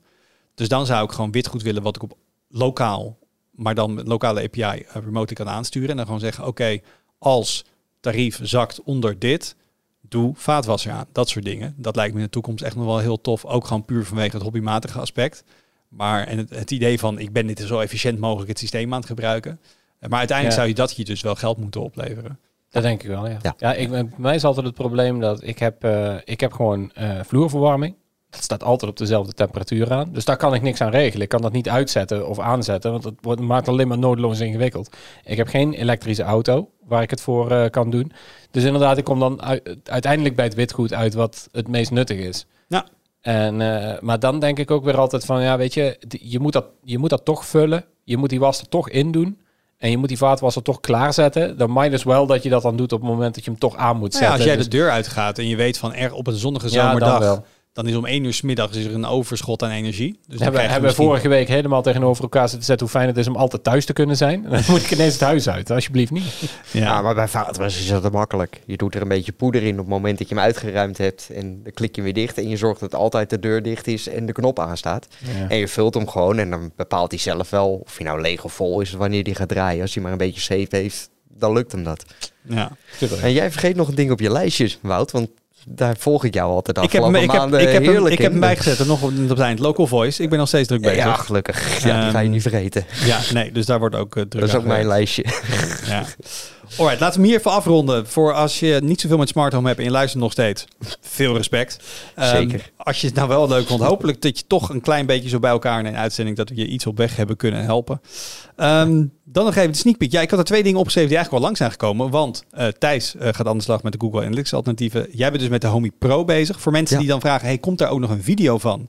Want die hebben ook de bridge op video gedaan. En dat heb ik mensen in de camera beloofd. We komen ook met een Pro. Ja, maar die komt niet gelijktijdig met de geschreven review. Want die willen op een later moment ook wat meer gaan vergelijken met de Home Assistant Yellow. Dus daar komt ook nog video van. Ja. Ehm, ja, ik heb nu even niet mijn laptop bij me, dus ik had deze opgeschreven. Wat komt er verder nog volgende week online? Een collega Reinoud is nu heel druk aan het benchmarken met eh, Ratchet Clank. Ratchet Clank. Waar jij Eh, vorige week zo, zo enthousiast over was. ja. dat lijkt het echt alsof, alsof, alsof dat ik een soort Elon Musk hier ben. Ik kom binnen, ik vind die game leuk en ik zet meteen mensen aan het werk omdat ze ermee aan de slag moeten. Zo werkt het niet. Dat was al een, een plan wat er lag. Eh, maar die is dus aan het kijken hoe goed is die PC-poort en wat voor hardware heb je ongeveer nodig om het, eh, om het te spelen. Volgende week ga jij eh, vragen beantwoorden van lezers. Dat komt er volgende week nog aan. Ja, want we doen al dit jaar om de zoveel tijd een Q&A met iemand van de redactie. En Thijs die heeft mij gecharterd om dat volgende week te gaan doen. Dus volgens mij komt het artikel op dinsdagmiddag online. Ja. Dan kun je daar in de comments je je, hele je vragen neerzetten. Dus misschien over smart home. Maar heel stiekem hoop ik op heel erg veel comments over... ja, hoe, Onze relatie met de broodheer. nou ja, Met over, ik- eh, we zien heel vaak dingen in de, in de reacties over. Ja, sinds de overname door TMG, on, even duidelijk, wij zijn onderdeel van DPG, TMG is van de Telegraaf. Dat bedrijf heeft niks met ons te maken. Maar ook eh, allemaal waanbeelden over dat dan hier mensen van DPG over de vloer lopen en orders uitdelen over waar wij over moeten schrijven. Ik hoorde gekschrijven voorbij komen. Vraag ze gewoon. Ik ga ze allemaal beantwoorden. Je krijgt ook echt de, de waarheid. Als ik het niet over mag praten, zou ik het ook zeggen of niet kan. Maar we gaan, eh, ik ga je geen loer draaien. Maar het lijkt me leuk als ik alle, noem het maar even, conspiracies langs zie komen. Dat we ze gewoon een keer kunnen debunken. Ja. Dus we gaan zien wat er, eh, wat er binnenkomt. Oké jongens, ehm, voordat we zo meteen in de file staan en het, de zon, zon er weer weg is. Het is weer een lange uitzending geworden. Dus Deze ik ga- podcast wordt wel echt iedere week langer. ja, maar tot nu toe klagen daar mensen er niet over. Dus ik vind het prima. Eh dankjewel voor jullie bijdrage. Dankjewel voor het luisteren, eh, voor het kijken. Heb je nou dus vragen of eh, nou, heb je dus vragen voor mij, dan mag dat in het artikel volgende week dinsdag. Maar gewoon over de podcast over Smart Home eh, post. Je weet wat je ermee kan doen. Je kan het mailen naar podcast.tweakers.net of een reactie achterlaten op YouTube of op de site. Eh, tot volgende week. Houdoe. Houdoe.